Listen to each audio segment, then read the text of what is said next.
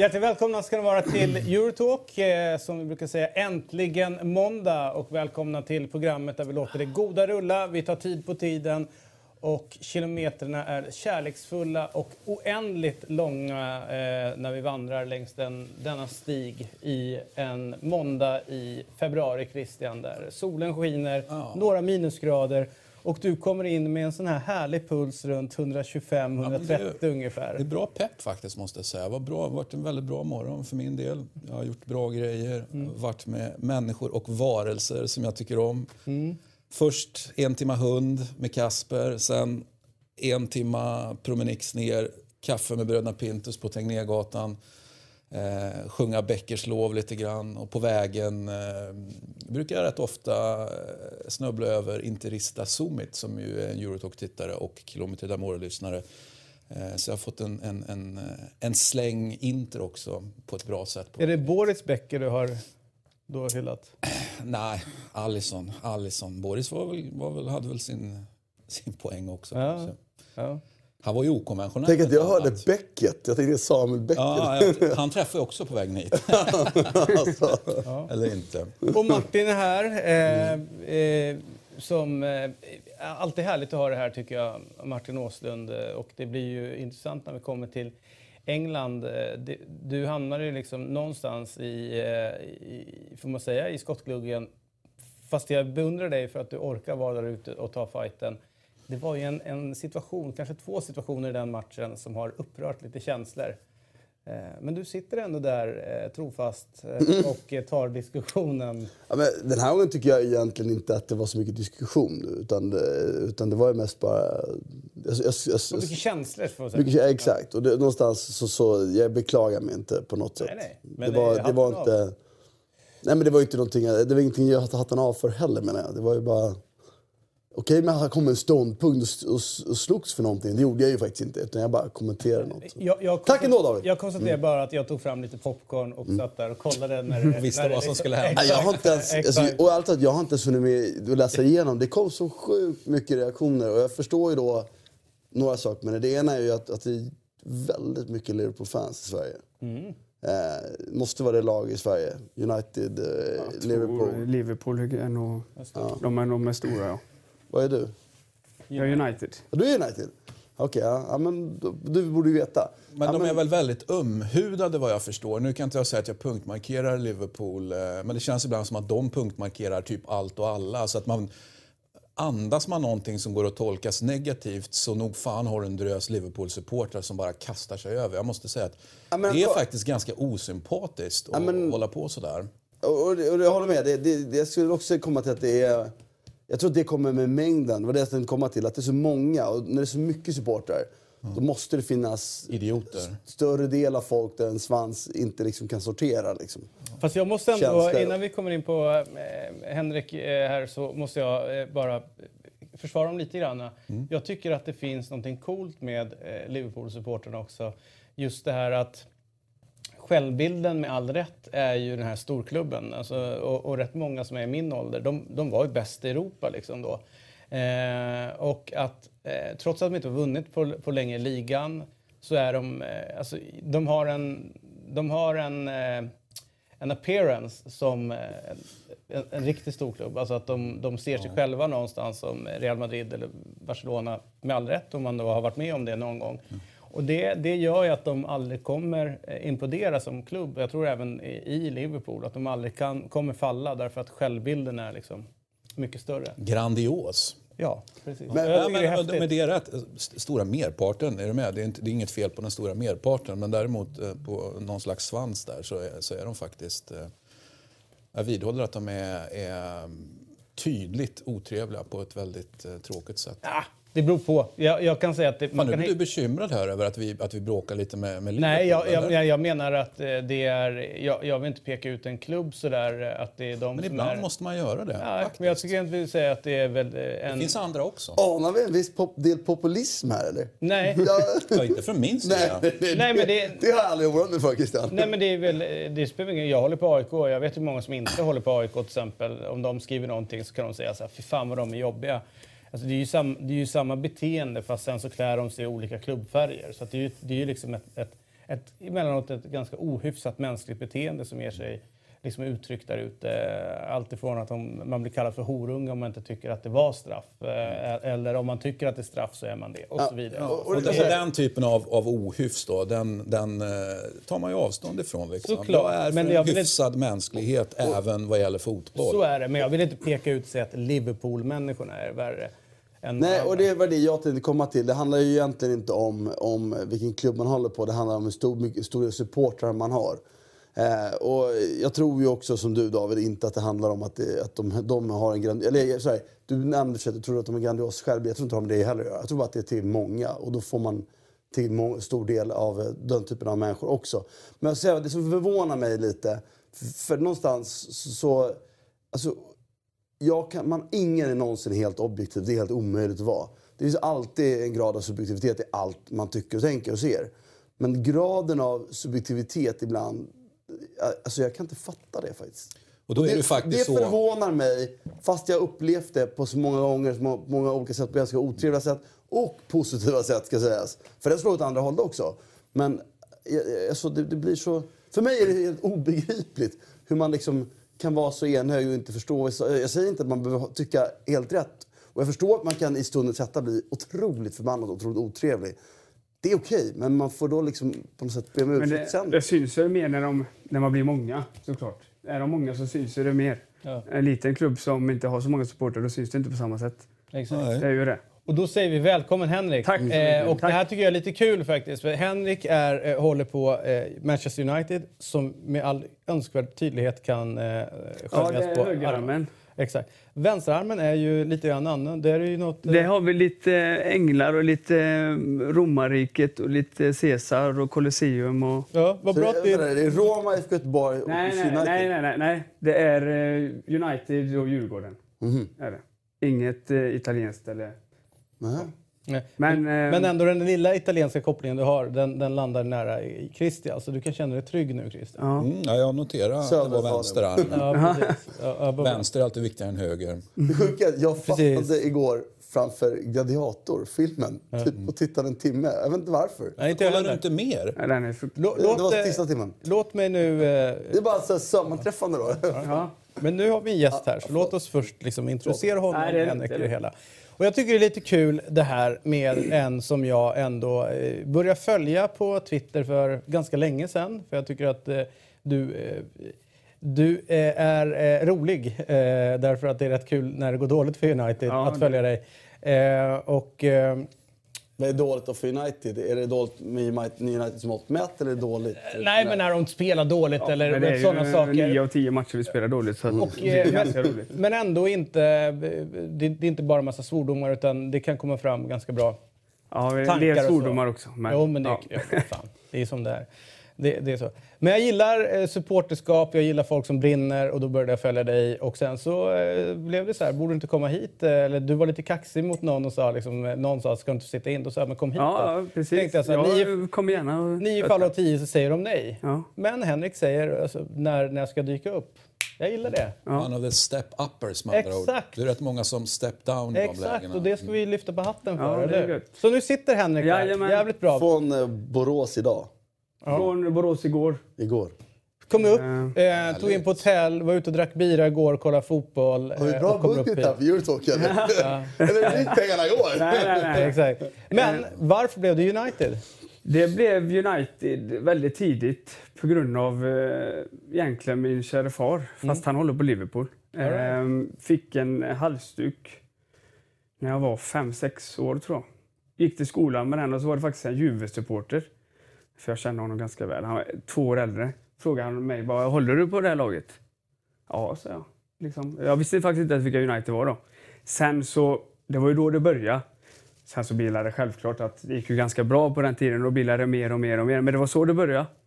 Och favoriten misstänker, kan- det vara Scholes Kicks? eh, Ja, jag har eller- Gigs, Gigs och Cantona? Cantona på Ja. armen. Det är dina killar? Ja, det är det. Jag gillar Rio Ferdinand också. Ja, åh fan. Så det var Cantona som var första riktigt stora. Ja, men jag var egentligen lite för ung för om man säger följa honom så nära som man följer när man blir lite äldre.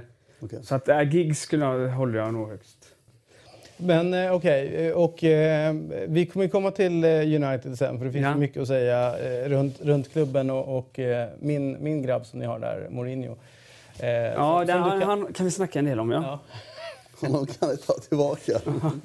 Det känns nästan, det känns nästan som vi har skickat in en sån här trojansk häst i, i, liksom, i eh, United. Vad tror du om den teorin? Jag älskar trojanska hästar. Man, ska aldrig, man ska inte underskatta det att det ibland skickas in trojanska hästar lite överallt. Varför inte? Varför inte?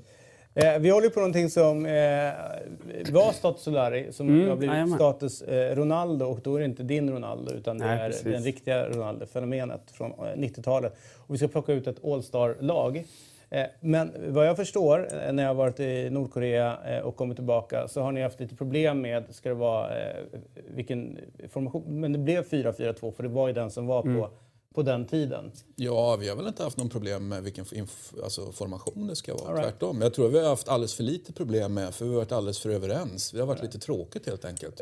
Eh, Har ni, är, det, är det vänsterback som ska plockas ut nu, eller? Ja, det måste det ha. och där har vi någonstans kommit fram till att vi eh, i princip ska ha Maldini. Så att det, det är väl egentligen ha Maldini eller inte ha Maldini. Men vi Ah. måste väl ha någon slags diskussion. Och, Är vi gemensamt alla tar ut? Inte så att vi bifar ut? Nej, vi, nej, vi, det. vi tar ut Vi ska komma en, överens om en. Ja. Jo, men för jag kände sen när jag satt och kollade på det. det är så här, ett 90-talslag utan Maldini. Det är ju, det är ju sjukt. Nej, det är ju vår tes också. Ja, men, Precis som eh, att Hierro måste vara med. Och... Men eh, Dennis Irvin då? Han har mer titlar på 90-talet än vad Maldini har till exempel. Och jag Det- säger så här, men vänta, han har inte vunnit Champions League eh, men en gång. Han har inte vunnit VM. Det vann inte Maldini heller. Han var Nej, ja, Då tar vi en Andreas Champions League. Bremer då. Om vi nu ska ta, jag tycker vi jämf- måste jämföra Maldini mot någonting riktigt bra. Då tycker jag Bremer är ju en sån som man faktiskt kan jag håller inte med. som, mina... Nej, nej, men han har mer Och, titlar eh, på 90-talet än Maldini i alla fall. Det är saker är Och, och säga vad man vill, om man, om man delar in då eh, backspel i att man är kapabel eh, defensivt och helst och offensivt. Det, där är, det är ju liksom hyfsat bra score ändå på Maldini på båda. Bättre defensivt än offensivt i min värld, fast helt okej offensivt utan att vara liksom offensiv expert. Men där skulle jag vilja säga att Brema har ju faktiskt det häftiga att han var ju faktiskt, eh, ni kan ju själva säga, vad var han bäst på? Var han bäst offensivt eller defensivt? I Var han bäst till höger eller till vänster? Exakt. I min värld var han precis lika bra både och, vilket är faktiskt sjukt unikt att vara så pass Och vass. VM-finalen 90, då vinner ju de eh, eh, eh, Tyskland, eller Västtyskland då som heter. Då tar han ju straffen med högerfoten. Felfoten. Istället. Och det är lite kaxigt att kliva Men, upp och göra. men jag har en grej mot honom då. Han spelade ju ändå ytterback Han i ett... Nej, jag gillar tyska. eh, han spelade ytterback i ett 3-5-2, yttermittfältare en 3-5-2, inte en fyrback. Fast det är ingenting att snacka om. Vi, vi måste gå vidare för det är så mycket annat att snacka om. Maldini ska med. Jo, alltså jag, Så enkelt är jag det. har ju också redan sagt att vi har tagit ut fyrbackslinjen. Men jag tänkte eh, som någon slags chimär. Det är ju en väldigt fin backlinje där Cafu är den enda jag känner som sådär... Ja, jag tycker det vinglar lite grann. Irving kanske skulle vara med i Solari, Stade Solari istället. Ja, Ja, men det, förra. han Ja, det är doftar sant. ju ja. mer Ja, lite mer åt det hållet. Men jag han, det pratas lite för lite om honom. Ja. För sex ligatitlar, tre FA-cup, en Ja, Champions han- League. Och att han inte såg ut som en fotbollsspelare. Nej, precis. Så att, men... jag eh, gillar Han kunde Ja. också till höger och till vänster. Ja. Men du, eh, så här är det då att eh, gå in på, på ja, någon social plattform och så kör ni status eh, Bildbyte. Ronaldo. Och följ Europatipset underscore 1, kryss 2. Kommentera vilken spelare du vill ha med i det här eh, All-star-laget från 90-talet. De ska vara aktiva något år under eh, mellan 90 och 99. Och sen så skriver du hashtag status Ronaldo så tror jag väl att ni kan vinna en t-shirt med din spelare på.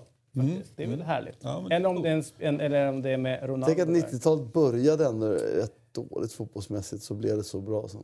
Ja, fantastiskt. Men vi kan ju utlova nu ett riktigt råkurr nu när vi går in på mittfältet. Åh fan. För där har jag noterat, bara genom att prata lite grann med Martin, så noterar jag att vi är sjukt oense om mittfältet. Så att från att vi har varit väldigt överens så går vi nu in i en fas när vi kommer vara mer oense. Och Det, finns så ska mycket bli- spelare där som man vill ha med. Och, eh, som man Vilket härj. Ja, det är just kill your darlings.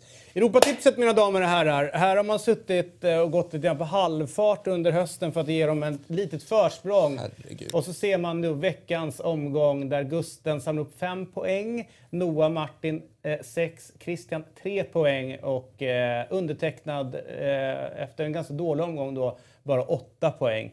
Eh, och det var ju en, eh, en intressant omgång som, eh, som gav sena resultat in som slog ganska hårt mot Martin.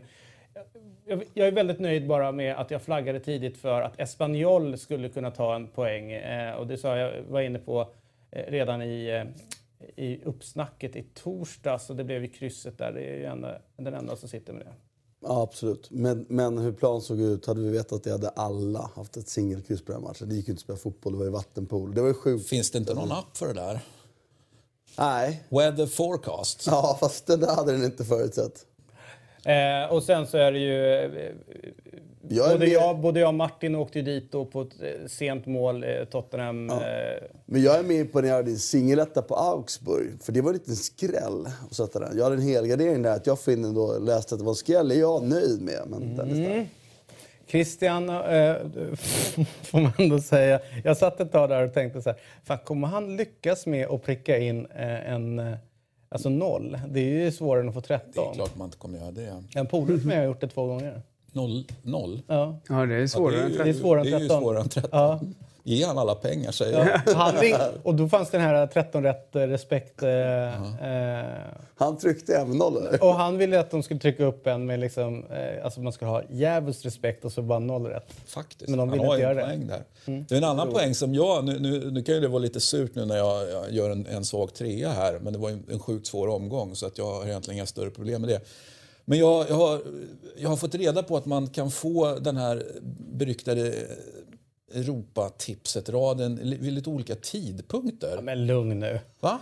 Vadå vid olika tidpunkter? Ja, men jag inser att den existerar ju redan eh, per definition på tisdag.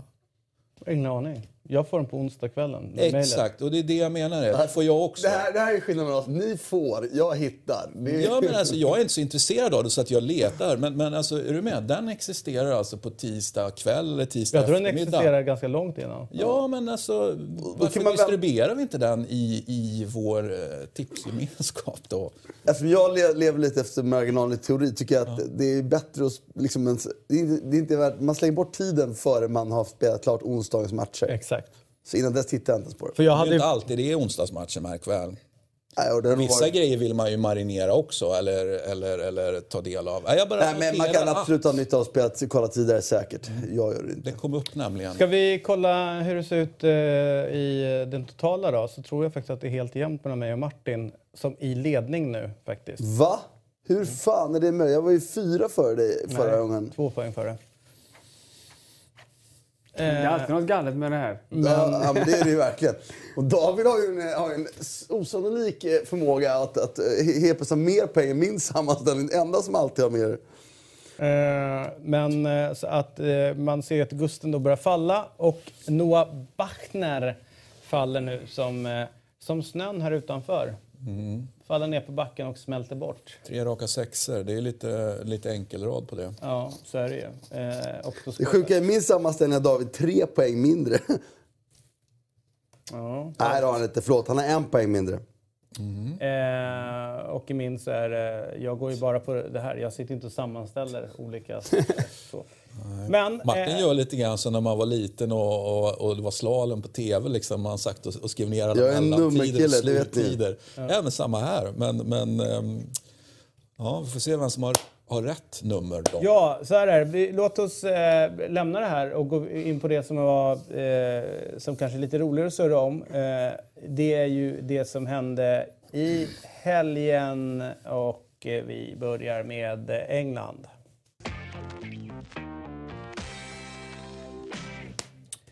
Och eh, jag tror vi ska börja med en helt annan grej, inte direkt fotbollen, Henrik och Martin. Eh, det är ju att Infantino har ju nu lackat ur. Eh, och det är ju då i samband med att fönstret stängde.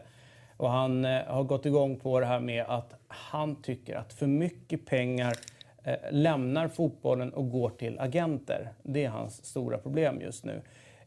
Och jag vet att han, eh, Sefrin heter han va, eh, som är Uefa-ordföranden, har också reagerat på det här. Och de vill på något sätt, tror jag, hitta något sätt att stoppa utflödet av pengar. Vad tänker ni kring det? Nej, men det alltså, jag brukar i regel tycka att mycket av de här eh, begränsningarna av olika slag man pratar om. Jag är ju helt emot den här begränsningen man tar in pengar från fair play och det vet ni sedan tidigare. Och mycket, mycket saker tycker jag är helt det blir inte syftena uppfyllda. Det luktar politik bakom. Det här är en sak däremot jag står bakom, såklart. Eh, jag säger inte att man, det är klart man ska ha betalt om man, är, om, om man är, har mäklar en affär. Det så funkar det överallt. Däremot så borde alltså just nu så är, med, med den här begränsade transparensen som finns, så blir det lite för stora summor tycker jag som det, det rör sig om. Men jag vet inte hur man ska göra det. För jag är också emot allt för mycket begränsningar. Jag menar, vi är redan inne och, och tassar på begränsningar som inte jag inte gillar.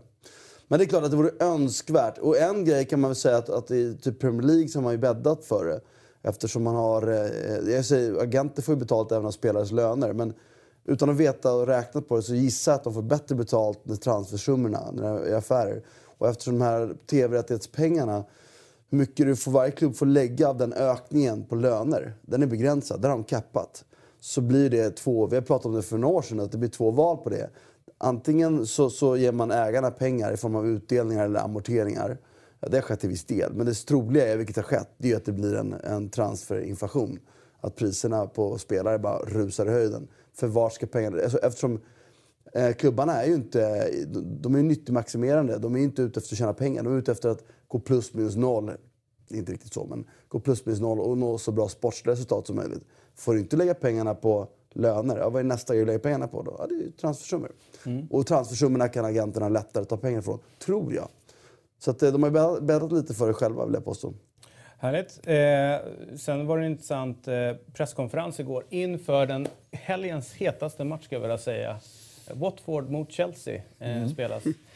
Skrattar du? Det är en härlig match. Ja, det är en härlig match. Absolut. eh, och då var det ju prat om att Conte var lite irriterad över det här snacket om att han är på väg bort. Och han konstaterar, jag har 18 månader kvar på mitt kontrakt. Jag har aldrig sagt någonting att jag ska bort härifrån. Det är bara massa rykten och spekulationer och, och så här, lyssna på mig. Eh, han öppnade till och med för att förlänga. Han, det, det, är inte säkert att han lämnar då. Men han sa också, eller antydde tyckte jag lite grann, att han skulle vilja ha ett publikt stöd från Chelsea. Att de går ut och säger liksom att han är vår tränare. Så. Eh, vad tänker ni kring det här?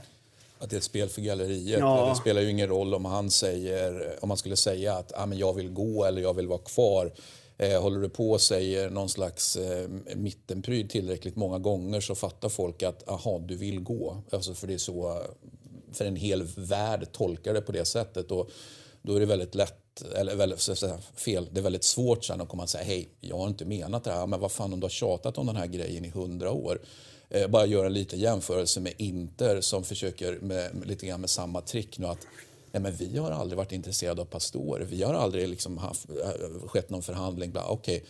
Du har en hel fotbollsvärld som har uppfattat det på ett visst sätt och diskuterat kring det och ni har kommenterat det på, på ett visst sätt då måste också en hel värld få dra sin slutsats. Och det menar jag även i Kontefallet. Eh, det är klart att alla vet om att han vill därifrån. Han vill såklart bli sparkad eh, av ekonomiska orsaker. Mm. Han måste ju säga så. Han måste ju säga så, känner jag. Han kan ju inte gå ut och säga något annat. Um... Men är ni så säkra på att han vill bli sparkad? Jag tänker mig att han spelar högt istället. Antingen blir han sparkad eller så får han de pengarna till spelare som han vill ha. Jag är inte på att han... Ja, men nu har vi ju jag, precis jag, kapat ett transferfönster där han inte fick det han ville ha. Ja, så jag menar, alltså, jo, visst, men det kommer ju alltid, det är alltid nya, nya fönster. Så jag menar, men han, nu pratar vi om hur hans spel har varit under hela den här hösten.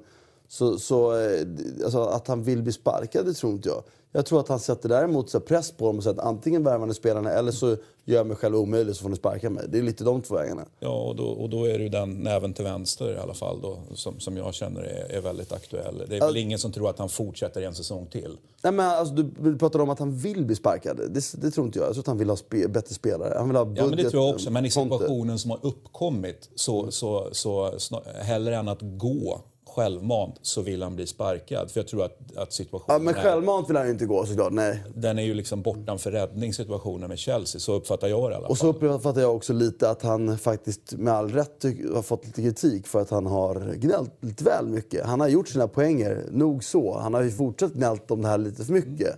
Och han kunde ha sagt det martyr, fem gånger istället för tio. spelat martyren lite för mycket och nu känner han att han behöver backa och det är det han håller på med lite. Tänker Kanske. jag.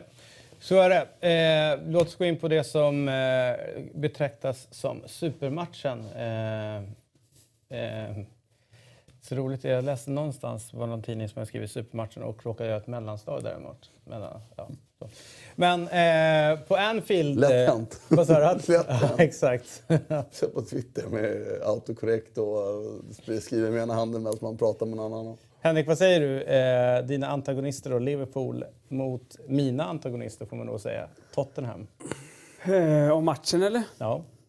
Eh, jävligt, jävligt sevärd match, måste jag säga. Ehm, men jag fattar inte varför eh, Liverpool släpper in dem så i matchen. Hur tänker du då? Nej, men kollar man lite på hur Liverpool spelar mot eh, City var det va? När de eh, pressade högt hela tiden. Men jag tycker i andra tycker jag de eh, backar tillbaka lite. Jag tycker han parkerar bussen lite, eh, Klopp där och bjuder in eh, Spurs i matchen, tycker jag. De, jag, jag tänker väl att de inte orkar att spela det sättet under, under Nej, tid. Men nej, jag tycker de gör det lite väl tidigt. De borde orka mer. Jag tycker, jag faktiskt, jag tycker inte Tottenham var så bra igår. Det fanns mycket ytor och nej, Liverpool skulle nog ha vunnit den matchen. Men jag, alltså, jag, det belyser lite det problemet som jag, vi har flaggat för att Klopp har i, i flera, alltså, sen han kom till Liverpool. Att han har bara ett sätt att spela för att alltid vinna. och Det är ju att ha den här höga energin. Det är väldigt kostsamt spel att alltid spela. Jag pratade om tidigare, man måste konsolidera tempo och matchbilder emellanåt. Alla måste göra det. Man kan göra det genom att ta, som Barcelona, ett extremt bollinnehav. Så sätt så de, när de inte orkar anfalla så låter de ju bollen gå emellanåt. Och så anfaller de inte, men de försvarar sig. Om du förstår vad jag menar. som Atletico gjorde igår också? Ja, exakt. Och, och lite så. Och där, där jag menar, eh, vi har pratat om tidigare att, att Liverpool kan inte falla hem på egen plan halva och försvara. För de är inte tillräckligt skickliga i sitt positionsförsvarsspel. Positionszonsförsvarsspel, eller vad man vill kalla det. Liksom. Och det har vi pratat om tidigare att de inte klarar av. Och det är ju det... För det blir alltså, de orkar ju inte. Och jag håller med Henrik om att de föll över lite tidigare. Och jag tycker också att så här, med lätt, det är så lätt med fast i handen. Men jag blev lite förvånad över när han tog ut en, mitt, alltså en, en, en spelare längre fram banan och tog in Matip. Jag tyckte inte problemet var att de hade svårt att täppa till hålen i backlinjen. Jag tyckte de hade svårt att vinna boll på mittfältet, att hålla tätt på mittfältet. Jag tyckte de blev igenom... var inte problemet i andra halvlek när Tottenham tog över att de blev genomspelade centralt så lätt. Mitt svar på det hade varit att ta ut en av de offensiva spelarna in med central bollvinnare totalt. Inte genom centralt. Spela utanför. Det kanske hade lett till att de hade varit en man kort i straffområdet sen, det vet jag inte. Men nu gjorde man ju någonting som jag tyckte var, kändes taktiskt fel. Och det är väldigt lätt med fast i hand att säga att det var fel. Sen det Och så vill jag bara säga en sista angående det du sa Henrik. Jag tycker också att problem, inte bara att de var för, för tidigt hem, för det tycker jag, det kan man väl göra. Men de slutade såra Tottenham helt. Och det brukar vara en spets de har ändå. Jag trodde ju ändå att Salah skulle få några lägen mer än han fick. Det var ju några tillfällen han kunde ha gjort det bättre. Ja, och det är det jag tänkte komma. Innan han gör sitt drömmål, får man ändå kalla det för, 2-1 målet, eh, Salah, eh, så satt jag och störde mig lite grann på att de kom med ganska fina omställningslägen när Salah har bollen ute på högerkanten. Firmino är typ helt jävla solo eh, därför att Tottenham blev ju lätt ihåliga när de gick framåt. Att han inte sätter bollen tidigare utan han håller den, håller den, håller den och sen är situationen borta. Jag tror det var två, tre sådana lägen. Och då började jag tänka så här. Alltså, antingen så de fnurrar på tråden mellan de två, att han inte vill sätta upp dem. Eller så börjar jag ifrågasätta hans, liksom, Ja, men jag hans tänkte, spel, speluppfattning i det läget. För det är så uppenbart att men- en, en mer kvalitet i spelaren där sätter över den på Men min. en, för jag, Det är bara en sån här tanke jag hade. en tanke jag har, är inte det att om man tittar anfallarna i Liverpool, är inte de väldigt exakt så som du säger. Att de många gånger, jag tittar inte varje match på Liverpool, absolut inte. Men när jag tittar så, så tycker jag att jag hittar många spelare som gör just det där. Där, där jag tänkte, ja, men en mer så, så välutbildad spelare släpper i det mm. läget. Och då mm. menar jag inte att det bara handlar om en anfallare. Utan jag, I min värld är det liksom anfallsbesättningen i Liverpool. Som, det kanske är, är medvetet rekryterat att man, man vill ha liksom pang bom rakt på. Inte ja, speciellt mycket Mané har gjort likadant många gånger mm. också. Mm. Han ska passa och gå på avslut. Och just Mané och Salah är ju två spelare som är lite outbildade, så det så långt stämmer det. Jag, jag, tänkte, jag, jag såg också två lägen i andra halvlek när jag tyckte han kunde släppa den. Eh, den ena av dem så tycker han är rätt att inte göra det på ett sätt därför att liksom, det är en chansboll att slå. Det är, det är också värde för upplaget. Den andra gången skulle han ha spelat.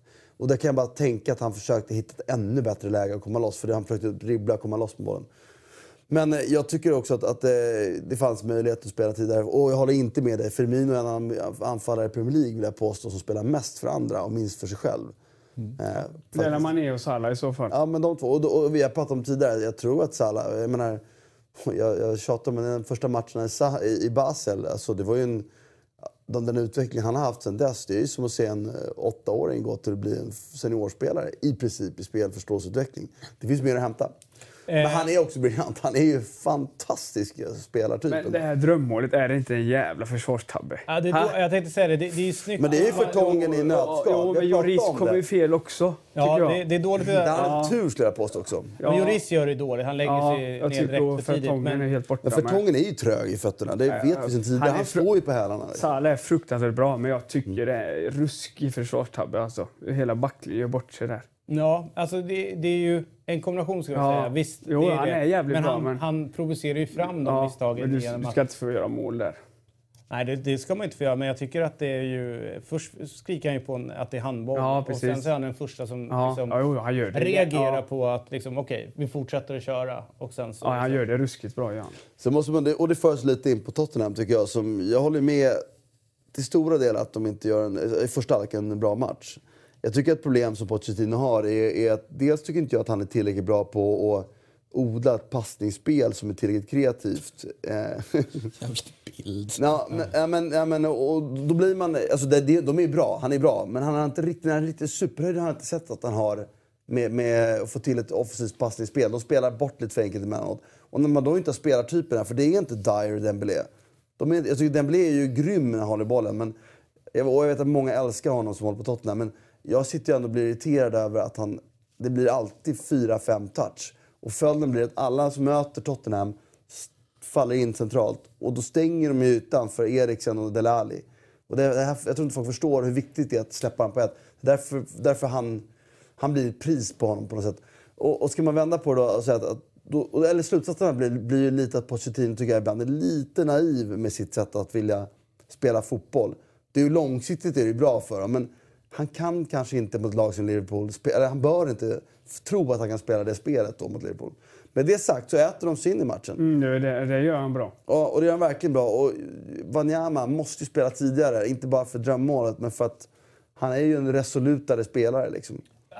Alltså, låt oss bara stanna, bara stanna ja, upp där. Alltså, dels varifrån eh, han tar det, men sen, det är en jävla yttersida mm. han drar till. Och liksom bollen, sen är det härligt att se, liksom, bollen studsar upp lite grann, men den är ju rakt upp i exet. Ja. Det är helt ja. enormt. Och du vet, det, jag, jag, tror inte det finns någon slips i världen som, som tar den där. Nej, nej, nej. Alison Becker. Nej, han hade nog, han stod, han hade nog stått kvar där och undrat vad fan det var som hände. Nej, det var grymt mål. Och ska man ändå summera det så var det en väldigt bra match. Jag tycker båda lagen, alltså man blir ju lätt... Jag pratade om tidigare att jag, jag är ju lite besviken på båda de här lagens säsonger. Men tittar man på resurser jämfört med deras konkurrenter och var de har kommit ifrån så är ju fortfarande det här är två tränare som har gjort mycket väldigt, väldigt bra. Det tycker jag gårdagen också blivit summariskt. Det är det jag känner efter, efter kvällen. Att det här var en bra fotbollsmatch. Det är två tränare jag ändå tycker om. De saknar kanske det sista lilla för att vara verkligen bäst, än så länge. Men äh, det är kul att se. Jag tycker det är svinkul att följa Klopp faktiskt. Jag, jag är ju lite grann av en Klopp-kramare. Jag tycker att det finns någonting härligt i det, i det lite naiva emellanåt när de går bort sig och, och sådär. Att inte allting är perfekt, att det finns brister och sådär. Liksom. Jag tycker han är en härlig, härlig karaktär. eh, som, som behövs inom fotbollen. Eh, liksom den passionen och allting han har. Eh, och sen så, man, man såg ju efter matchen hur jävla förbannad han var på straffsituationen. Eh, och, Straffsituationerna. han menar den men det- första, ja, men va? Menar han, eller? Båda faktiskt. Men, men ska, vi ta, ska vi ta de båda då? Eh, då är det ju eh, först då bara reda ut då. Är det offside eller inte Martin, du som kan den här? Nej, men den här regeln det har Jonas Eriksson för, berättat för mig. Och det här infördes samma höst som vi förlorade mot Österrike mot Sverige. För jag upptäckte det då, för jag blev jätteförbannad över att det inte blev avvinkat för, på Österrikes mål. Men Anders Svensson nickar ju bollen, eller touchar den så här. Och då har han aktivt spelat med bollen och det sätter alla eventuella offside-positioner ur spel. Så det är det, när Lovren går mot bollen och spelar på den, då spelar det ingen roll om Kane var offside när bollen spelades. Det är en skitkonstig regel, jag gillar den inte, men den är så. Så att han är inte offside. Så bara för det. Så fort en spelare aktivt, Aktivt. går efter bollen. Och då då, men då är det också bedömningen, är han aktiv eller Exakt. passiv mot och det, och det är det här jag har vänt mig mot. Alla de här handsregler och allting, de gör ju regler i mitt tycke för att skydda domarna. För domaren kan alltid säga, men jag bedömde att han aktivt spelade. Bra, men då har vi löst det. Då kan vi konstatera, sen är det inte, då, sen är det, då är det inte offside. Sen pratar ju då den stora diskussionen nu, som har liksom, både på, i sociala medier men även i England, så är det ju då, är det filmning eller inte utav eh, Harry Kane? Jag noterade att i Viasat-studion så sa de att han är tvungen att, att kasta sig för annars blir han överkörd och liknande. Eh, Det är ena sättet att se på det. Det andra sättet är att han ser vad som är på gång och sen så kastar han sig, alltså filmar. Eh, vad tänker ni? Alltså jag skulle vilja se den igen, för jag tänkte inte så mycket på det. Jag Jag tycker tyck- han flyger alltså. Jag Du- tycker, du känner ja, att jag det- tycker alltså... Ta, ta touchen då istället. Han behöver inte hoppa över målvakten. Jag menar, då får han gå in då och Fast bli så är inte regeln skriven. Så för re- regeln är skriven på effekten. Och om Ja, men effekten jag är att tycker du måste dra undan inte han behöver ben... flyga så som han gör. Tycker Nej, nej, men då pratar vi om, om hur, hur han sen drar sig undan. Ja, ja. Men det finns det ingenting i regelboken som möjligtvis... Alltså det, det yttersta man kan göra i ett sånt läge i regel, enligt regelboken är ju att blåsa straff genom ett gult kort för förstärkningen, att, den är, att han flyger. Mm. Men ja, för det är någonstans där, regeln är ju så att du dömer på effekten. Om effekten blir att han måste dra undan benen, för det är det ju. Jag minns det i alla fall rätt tydligt som att om inte han drar undan benen så tar han nästa steg och kliver typ Karius i huvudet. Liksom.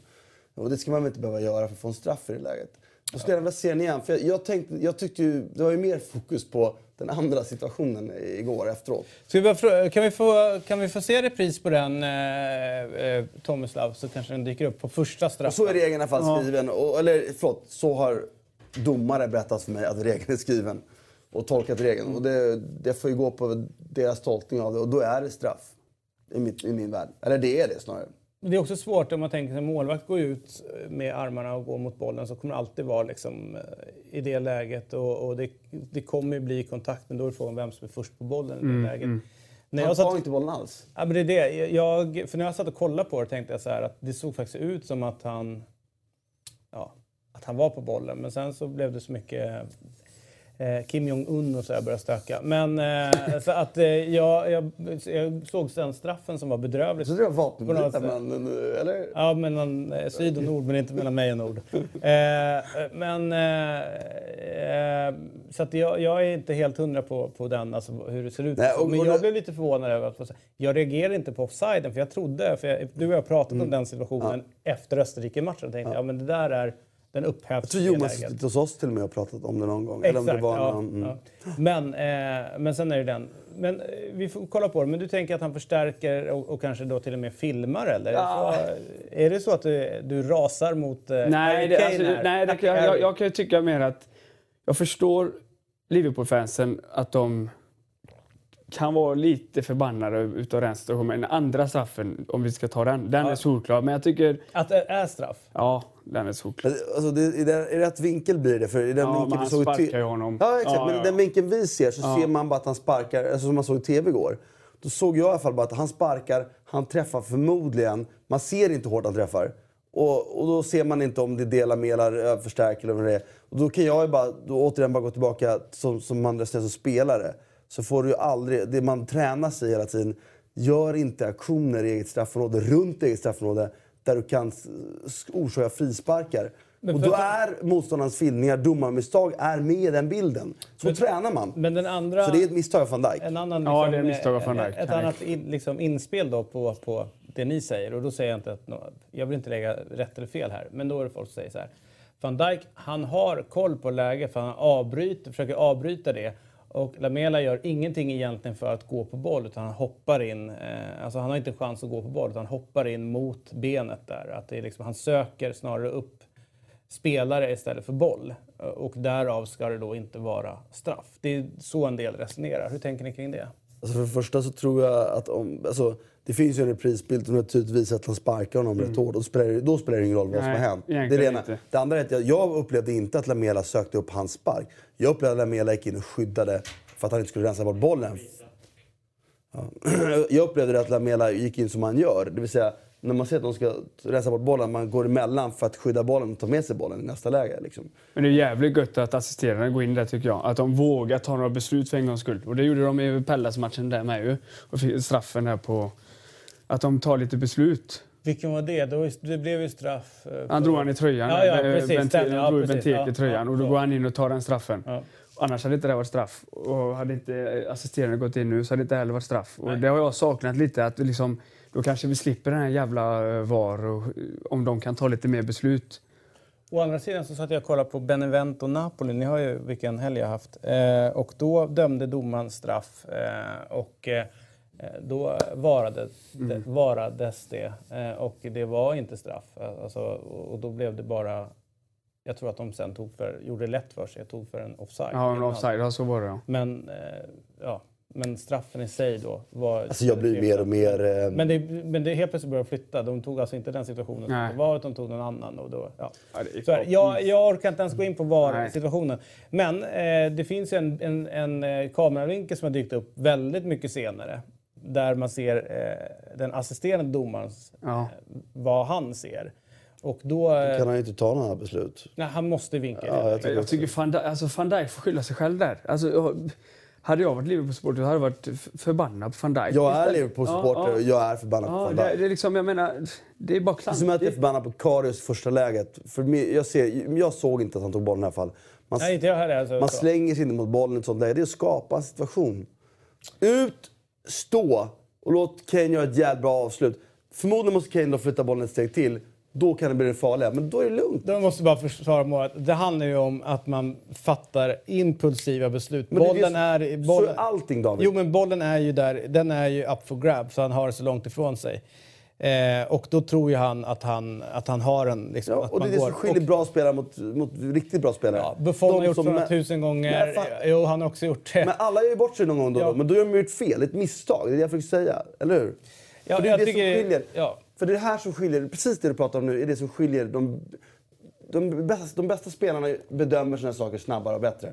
Det är det som är skillnaden. är alla, alla målvakter får lära sig i, sen man är så liten att om touchen är lite för lång och man bedömer att man har chans att gå på den, då gör man det. Och jag skulle säga att alla målvakter har hamnat i den situationen som Karius gör. Oavsett om man heter Casillas, Buffon eller Ja, Karius. man gör misstag. Ja, Alla är misstag. eh, fast jag, jag, jag, jag ser inte det som ett misstag. Jag ser det som en del av målvaktsarbetet, att man måste kliva där. Därför att om han han, där han står, sett till hur situationen är, och jag tror att eh, eh, han står i offside-läge från början. Det är så många grejer i det läget där man måste vara beredd på. Han har tagit steg ut. Eh, han står inte där man normalt sett står när man, eh, på grund av att situationen är som den är. Vem tror att Matip ska få bollen på sig? Eller att han inte får bort den i det läget? Eller vad det nu Är kan inte vara. Det är Lovren som spelar på den? Ja, det lovar de som får. Det är jättemycket där. Men jag, jag ser inget fel som han gör. Han måste gå ut. För att om han, det går inte att stå upp i det läget. Därför att då är han helt körd. Det är bara att lägga in den var som helst. Ja, det då är kanske så. det Han det. Men då, gå. då tvingar han fram en aktion för motståndaren. Det är Han räddar ju riskminimering. straffen sen. Ja, och det är bra gjort. Ja, men jag menar så här, att Men det, blir, kan det, inte- blir, det, men det blir ju varken mål eller någonting. Det enda som blir, det Du kan blir ju en inte räddad säga straff. att, att det var okej att ta straff för att han drar... så här, Nej, nej, men jag jag är Liverpool-supporter Ja, jag och jag att håller det- inte med det- dig. Jag det- tycker Karius det gör ett dåligt ingripande. Och jag håller inte med. Jag tycker att det blev ingenting av den situationen. Förutom att eventuellt är det filmning eller är det dåligt av Karius. Alltså att han drar ner honom. Det är det enda som är i den Och det ska vi också vara tydliga med. Det kan alltså vara filmning på Kane och ändå vara straff.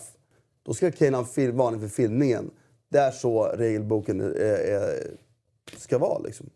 Och det var ju många efteråt som pratade om, nu låter det som att jag bara slaggar off eh, Tottenham här, men det är inte alls det jag är ute efter. Men det var ju folk som pratade om just filmningar som var under matchen, alltså i Liverpool-läget. Om nu någon måste ta deras eh, sida i det hela att det filmades. Men vi tar väl ingen sida alls? Vi pratar väl Nej, om men jag måste jag som samtalsledare måste väl, för att få i fart lite på diskussionen. Annars kan vi bara sitta och vara överens och, och liksom leka lite, fan vet jag, landet runt eller något sånt där.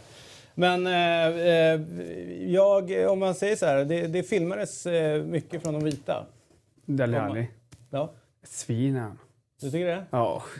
Men han... han- sparkade ner Sanchez två, tre gånger eh, helt utan anledning. Vi mötte dem förra veckan. Han, eh, den tacklingen han gör i Europa League förra, förra säsongen när han blev utvisad, det, med, det, det, ska vara, det är ju nästan benbrott. Eller upp mot knä. Han gör mycket, han gör mycket dumma saker. Jag håller med om att han är en spelare som verkligen inte är speciellt eh, sympatisk på plan. Tänkte ni på att efter filmningen, när han fick gult kort, vilket jag tycker, eller det blev frispark till och med, vilket jag blev lite förvånad över. Kan man blåsa frispark? Det kanske man kan. Jag kan aldrig hört den regeln i alla fall. De fick ju frispark emot sig fast han inte gjort en förseelse, han bara filmade. Ett kort ska han ju ha, absolut. Men såg ni vad han gjorde med domaren efteråt? Han klappade om domaren och sa att okej. Så han fattar han är bara, För det har jag tänkt några gånger tidigare, att han, att han inte fattar att folk ser det där. Att han inte börjar fatta att det där kommer slå tillbaka. Liksom. Han presterar inte så bra heller nu för tiden. Han var bra mot United. Ja, mot United ja, men jag tycker överlag senast nu den här säsongen så tycker jag inte alls det är samma Alli vi har sett eh, de två senaste. Så att... ehm, Nej, han är en sämre säsong. ja, ja, ja, Mycket det, sämre. Ja, ja, det, eh, eh, så är det ju. Jag, eh, det jag tar med mig från den här matchen, eh, Christian, det är Wanyamas mål. Jävlar, vet du. Vilken smäll. Mm, det låter bra. Eller hur? Jag har inte tagit del av det själv, så att, eh, I, I trust you. Eh, vi, eh, vi hoppar ner till ditt. Eh, ska man säga att de håller på med en, en liten omstrukturering i Arsenal nu då? Eh, där eh, fått in Mkhitaryan och eh, Pierre Bla, bla, bla. uh, och Aubameyang. Uh, bla, bla, bla. Mm. Vad, vad känner du? Ja du, om det är en omstrukturering, det är det väl, det är det väl på något sätt. För det är ju det är liksom, det är ju nya spelare och Var det ett revitaliserat gäng du såg? det, det är för kort tid för att ha en sån åsikt om det känner jag. Va? Däremot så, som jag kanske sa redan förra veckan, eller så sa jag inte det, eller så sa jag det på Twitter. Men det viktiga för mig här ändå är ju, är ju liksom förlängningen med Özil. Om det, vad, vad det nu kan betyda i det här kölvattnet på, på att Sanchez liksom har lämnat. Då. Alltså jag, jag väljer att se positivt på det ändå och känna hopp liksom att det var en viktig signal att skicka. Eh, det är en viktig signal att, eh, att Wilshere är tillbaka och sen så har vi fått sällskap då av de här två herrarna. Ramsey gjorde väl tre, va? Ja, Ramsey...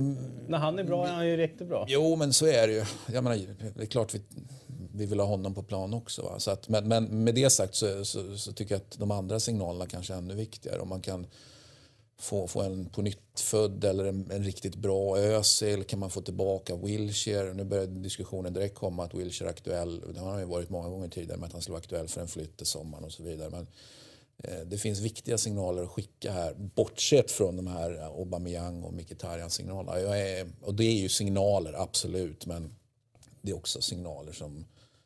Jag är inte så mycket för januari-signaler om man ska vara riktigt mm. ärlig. Jag tycker, är man, vet man vad man vill, ja, men då, då köper du Aubameyang. Om, om du nu vill ha honom, ja, men då får du fan köpa honom i, i, i somras då istället. Eller så får du köpa Miktarian på något annat sätt. Och han kanske inte gick att köpa på något annat sätt då utan att han var tvungen att vara en del av en Sanchez-deal. Då. Men jag sitter inte här och är övertygad om det är det du undrar. Jag tycker att det är...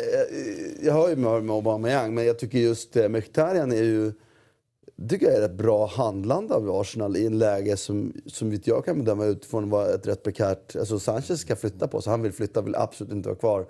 De klarade, klarade under, under från i somras. Kan man argumentera för att de borde ha släppt honom där och då, då i och för sig. Då. Men om man nu var där man är så tycker jag att, att byte Mkhitaryan tycker jag som mycket väl passar lika bra in i Arsenal som... Han passar bättre in i Arsenal. Ja, men än vad Sanchez gjorde menar jag. Ja, du menar så. Ja, ja. Sanchez är ju en, Ja, ja. en bättre spelare, men Sanchez är ju mer av en individualist än vad Mkhitaryan är. Mm. Tycker jag. Och i det typ av spel som Arsenal vill spela så håller jag helt med Henrik. att Mkhitaryan är ju en Arsenal-spelare och Mm. mycket. Jag skulle också vilja flagga för att han kanske inte har den här mentala höjden Nej, som krävs i United. Som Arsenal, får ursäkta, det är inte samma kravbild. I alla fall inte just nu. Än vad det är United. Och därför kanske han passar bättre.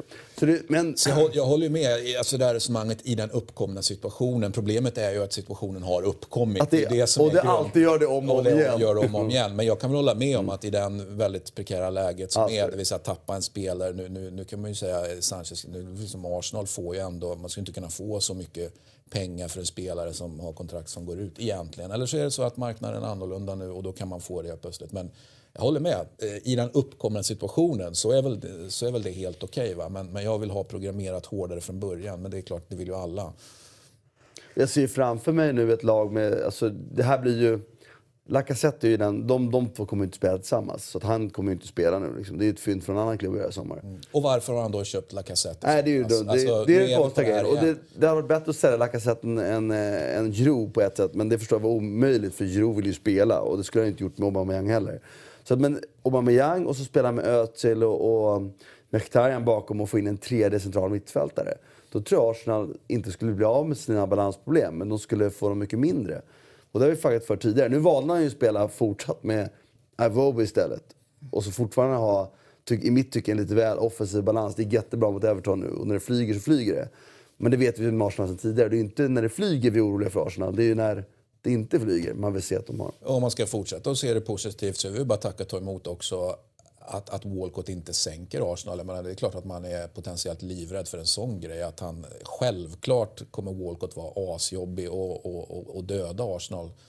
Var jag i alla fall orolig för. Nu hände inte det. Så att Finns bara, det någonting i, eh, i, i Arsenal-lägret där att, att eh, Walcott lämnar som ändå har liksom varit där länge och liksom är ju en... en det, det är ju den uppkomma, det är ju eftersom han då i och för sig inte är en Arsenal-produkt från början men har varit där väldigt länge. Alla de här som har lämnat nu är ju en problematik. Det är ju en, en Wenger-problematik att han inte har lyckats förvalta eh, kapitalet och, och, och pundet helt enkelt. Och, eh, men, men det uppvägs eventuellt av att faktiskt den viktigaste av alla, det sa jag definitivt förra programmet och det är värt att säga igen att för Arsenal-supportrar så finns det inga, alltså skit i alla andra spelare. Det handlar om Jack Wilshere, det är det som är grejen. Om han kan liksom få tillbaka Jack Wilshere så som Jack Wilshere var på väg att bli för några, alltså jag vet inte hur många säsonger sedan det var nu, det är väldigt många säsonger sedan. Kan han lyckas med det, då kommer också han kunna bli förlåten för vissa grejer faktiskt, Wenger, som han bevisligen inte har lyckats med. För, för han förstör ju spelare som det är nu. Från att ha varit en, en eh, superman management, det vill säga en, en manager som faktiskt kunde förvalta en spelare och gjorde spelare bättre, så är ju hans track record eh, i, i sista, jag vet inte exakt hur många säsonger det är, men en, två, tre, fyra kanske, eh, så förstör han ju bara spelare efter spelare efter spelare efter spelare. Och det är ju anmärkningsvärt att, att, att du går från att ha kunnat någonting till att du helt plötsligt inte kan någonting, det vill säga Wenger i det här fallet. Eh, Och det, och det är klart att det är sjukt bekymrande att det är så. Och kan han hitta tillbaka till att han gör spelare bättre igen? Alltså, vi har ju inget, det finns ju liksom inga bevis på det. Det är ingen spelare som kommer till Arsenal och blir bättre. Men jag tycker det var en väldigt tacksam match. Everton var riktigt svaga var de. Och allting gick ju egentligen fram. Jag menar, det var ju... Mkhitaryan får ju en assist till, det var offsiden där va? Och så en assist som bara springer igenom hela... Sen så undrar jag faktiskt alltså, varför går Aubameyang till Arsenal? Det ställer jag en frågan. Alltså han hade kunnat ersätta um, Benzema i Real till sommaren. Fast, Så kunde han inte det. nej. Men Nej, han, man hamnar det är väl- kanske inte det. Men alltså, jag, tycker det, det, jag tycker ändå det är ett fel steg av Aubameyang. Jag tycker jag håller honom högt. Men är det inte så att eh, som man bäddar får man ligga? Va? Nu har han hållit på och tjatat och Ja. försökt att lämna det Ja, det är hela där det. bygget på och, och han har ju väldigt öppet pratat om andra klubbar Mm. också. Inte bara att han har lust att eventuellt eh, flytta och söka sig nya utan han har väl liksom namngivit Real Mm. och namngivit det. Eh, Spelare som springer omkring och namnger rent generellt, det är ju liksom, då, då är du längst ut på, eh, vad säger man, på, du går på slak lina eller, eller vad det nu är. Så jag tror att det är många klubbledningar som drar sig för den typen Ja, mycket av... Eh, sen är, finns det hur många klubbledningar som helst som älskar målkvantitet. Liksom. Så det är klart att det finns en annan... Det gäller ju någonstans, är, är det halvtomt eller är det halvfullt? Liksom? Alltid halvfullt Christian, det vet du. Ja, det är nästan inget kvar just nu. Eller? Nej. Du, vi lämnar Arsenal och tar oss till ditt eh, United då. Och, eh, det blev eh, till slut 2-0 mot Huddersfield. Om inte jag helt fel så satt väl du och var lite missnöjd efter första, va? Eller? Ja, vad, jag, vad var det? jag skrev någonting om att storma planen. ja, det var så dåligt. Åh, jag skämdes. Att ha sådana spelare på planen i första halvlek mot ett värdelöst Huddersfield och inte kunna prestera bättre. Nu, nu vinner vi med 2-0 och det det är de tre poängen det handlar om, men man måste, det handlar också om att bli underhåll, och det är underhållning också. Vi, det, vi ska köra över de här och skapa lägen efter lägen. Menar, nej, nej, det är inte okej. För vi, vi, vi, jobbar inte så. man kan ju prata väldigt mycket om, Mourinho eh, jobbar inte så. det är om, jag eh, inte vill ha honom. eh, om Mourinho eller, och, och så vidare. Men jag vet att du eh, och några av dina vänner i United-lägret sa att när du kommer hit så ska du lägga ut texten kring problematiken, alltså vad som är fel i, i United. Enligt dig då, vad, Ja. vad har gått fel? Alltså enligt mig så kan jag, tycker jag framförallt, om vi snackar Mourinho. Jag avskyr honom för det första. Det, jag tycker, ingen bra start. Nej, nej, det, nej, men så är det bara. Alltså, vi kan, jag tycker vi går tillbaka till förra säsongen. Vi blir sexa i ligan. Då har vi en... en Liksom Tre titlar förra året. ja, om vi tar väl ligan först. Mm. Som är, det, är, det är den viktiga. Ja, jo. Ja. För vi är inte med, vi var inte med i. Champions League. Ja. Eh, vi har en centrallinje med de Gia. En av världens bästa målvakter. Kanske den bästa. Bajy var fruktansvärt bra. Vi har Pogba. Vi har Ibra som ändå liksom var helt okej. Och så har vi lite unga talanger med Martial och vi värvar in lite. Alltså sexa i ligan, det är bara pinsamt. Och då säger han, folk att ja, men vi satsar på Europa League. Ja, men vilka mötte vi där då? Där hade man kunnat spela B-laget. Vi slår ut Santet Etienne, Rostov, Anderlecht, Celta Vigo och sen ett Ajax som åker ut mot Rosenborg i ett Europa League-kval. Jag menar, man behöver inte spela fullt manskap där hela tiden. Man behöver inte spela Zlatan eh, 90 minuter alla de här skitmatcherna och i gruppspelet mot Sorja och de här eh, bottenlagen. Jag menar, nej, sexa i ligan. Okej, nu vinner vi Europa League och det, man kan ju bara vinna mot dem man blir lottad emot. Så att vi fick ju en tacksam lottning. Men det är ju det som räddar Mourinho tycker jag, att vi tar Europa League. Mm. Sen så vinner vi ligacupen också och det, ja, det, är, det är en titel i alla fall. Men eh, redan, jag var ju tidigt på det redan där att inte jag trodde på Mourinho. Och i år så tycker jag... Eh, när vi har City hemma med åtta poängs upp och vi gör den insatsen. Eh, alltså jag vill ju bara kräkas när jag gick därifrån. Vi tjongar ju bara långbollar mot dem. Vi, vi, vi försöker ju inte ens, alltså de har inte ens en bra backlinje. Vi försöker inte ens, vi försöker inte ens anfalla. Hemma mot City, när vi kan, nej. Men är det så att han har, eh, han har inte, eh, är det så att, känner du att han inte har förstått vad United är? Alltså, det, det, alltså, Mourinho har ju ändå... Han, har vissa, han, han kan ju vinna titlar, han har vunnit allt. Men det jag kan tycka är att...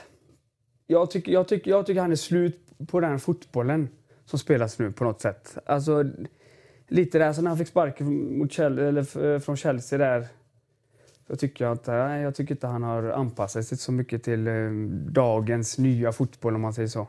Men det är väl kanske en, en, en grej. Och sen är det ju också att han inte anpassar sig till. Jag menar, han, han visste ju såklart vad Real Madrid var. Det vill säga att en visst mått av underhållning krävs. Han skiter fullständigt i det. Det är ju samma.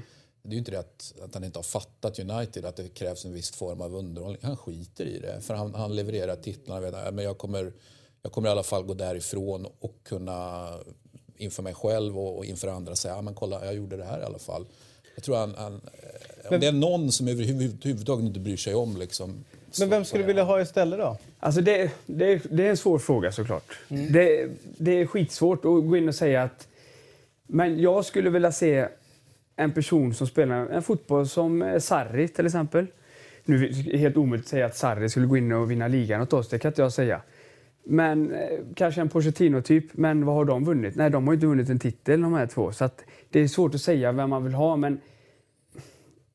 Ja, alltså, vinner Mourinho ligan åt oss nästa säsong så ja, då är de första som säger att fan vad fel jag har. Eller hade. Men det gör han inte. Jag tror inte han är eh, kvar nej, för alltså han, och jag menar, kolla, han har lagt snart 4 miljarder på värvningar. Mkhitaryan felvärvning på, eh, på hans sätt att spela. Matic var bra tre matcher. Katastrof. Han eh, kladdar boll. Säg till Matic att vinn boll, släpp bollen sen. Jag menar, hur svårt ska det vara? Han ska inte ha bollen mer än eh, tre sekunder. Nej, men det är faktiskt så. Vigge, är det någon som fattar vad det är för värvning? 400 mille för Vigge. Han får inte ens han får ju sitta på läktaren var och varannan match. Mm. En del av de här värvningarna är, eh, måste ju såklart också vara så att för att få köpa en del av dem kanske du måste köpa några andra av dem. För att de jo, sitter i så kan det vara. Men... nätverk så känner jag eh, absolut att det är... Är Lukaku rätt anfallsvärvning för, för oss? Det är en fråga man kan ställa sig. Eh, så jag tycker liksom att... Men, men om, om, man då tänker, det, det har varit väldigt mycket snack både bland de här två herrarna, eh, med all rätt, eh, och, eh, och även eh, Paul Scholes var ute och snurrade om det. Cantona också. Jag tänker med hur, hur Pogba används. Ja, det, har jag, det vet ju alla att han används fel i många, många lägen. Att eh, spela bara han och Matic borta mot eh, Tottenham tycker jag var helt fel. Han ska ju ha eh, två mittfältare med sig på det här mittfältet och kanske en fri, friare roll. Alla vet att Pogba är bättre offensivt än defensivt. Det vet varenda jävel. Men det verkar inte som Mourinho fattar det. Men... Eh. Okej, vi backar bandet till det här då. Eh, det var ju en, en liten, det blev ju en maktkamp kan man säga inne i, i United där Ferguson bland annat sa liksom, ge det här till till gigs nu. Eh, och att då skulle egentligen det gamla, eh, liksom, det gamla gänget med Ferguson i, spetsen, alltså de, de skulle liksom dra klubben åt ett håll. Mm. Men de valde liksom att plocka in helt utifrån och Mourinho. Och det har ju, då lämnade ju Giggs till slut och, och, man kan väl säga att Ferguson blev lite mer marginaliserad liksom internt. Så eh, i och med att de valde det spåret. Mm. Känner du att redan där att de gjorde fel eller var det helt rätt på något sätt att, att inte gå för, för gigs och, och liksom det, om man då får säga lite det nostalgiska i det hela? Jag tycker det är också lite svårt att säga. Jag tycker alltså, gigs, jag vet inte fan. Alltså, jag, för något år sedan så, så ville jag nog ha in gigs men jag vet inte om han riktigt har... Du har sett har, den där matchgenomgången? Ja, den, den, kan man ju inte göra, ge så mycket för eftersom det var sista, alltså, ligan var körd och sådana grejer. Men det är så svårt att säga vad man skulle tagit in istället. Nu vann ju vi som sagt tre titlar förra året och jag var på plats på alla tre och det tog fan att jag var glad. Och jag menar, det, det är liksom, jag är där för United men, men Mourinhos fotboll, det, det står inte bakom. Jag menar, det, det, ser för dåligt ut alldeles för ofta. Alldeles för ofta ser det för dåligt ut. Och det gillar jag inte. Om du ska adressera då vad det mest akuta problemet då, eh, i, i spelet? Vad, vad... I spelet är ju att han behöver en... Eh, han har ju ingen offensiv spelidé. Han litar ju enbart på individuella prestationer. Det är bara att kolla matchen mot Huddersfield. Vem är det som i princip vinner matchen åt oss? Jo, det är ju Alexis. Eh, I princip. Han ligger ju bakom eh, bägge målen. Pogba kommer in som han bänkade och det skulle inte vara en bestraffning. Det tror fan att det var det. Hur kan man bänka Pogba och ha kvar Matic efter Tottenham? Nu var Pogba katastrof mot Tottenham, det var han. Men man gör inte så. Det, jag menar, det är match, vi har match på söndag igen. Det är inte så att vi skulle spela tisdag Champions League och då kan man vila Pogba, men... Eh, nej, vad var vi inne på? Fan sa vi? Största problemet är spelet? Ja, spelidén. Offensiva spelidén tycker jag är eh, under all kritik. Han, det finns liksom ingen... Han har ingen idé. Det, jag vet inte... Jag vet inte vad han, liksom, vad hans spelidé är. Defensivt kan vi inte säga så mycket för att okay, där har ju vi småling och så med. Vi har ju släppt in minst mål i ligan, i alla fall där vi hela, ehm, vi har hållit mest noll i alla fall tror jag. Eh, så att han är för feg. Alltså, jag vet inte vad det är. Alltså, det offensiva spelet, det löser han inte. Det...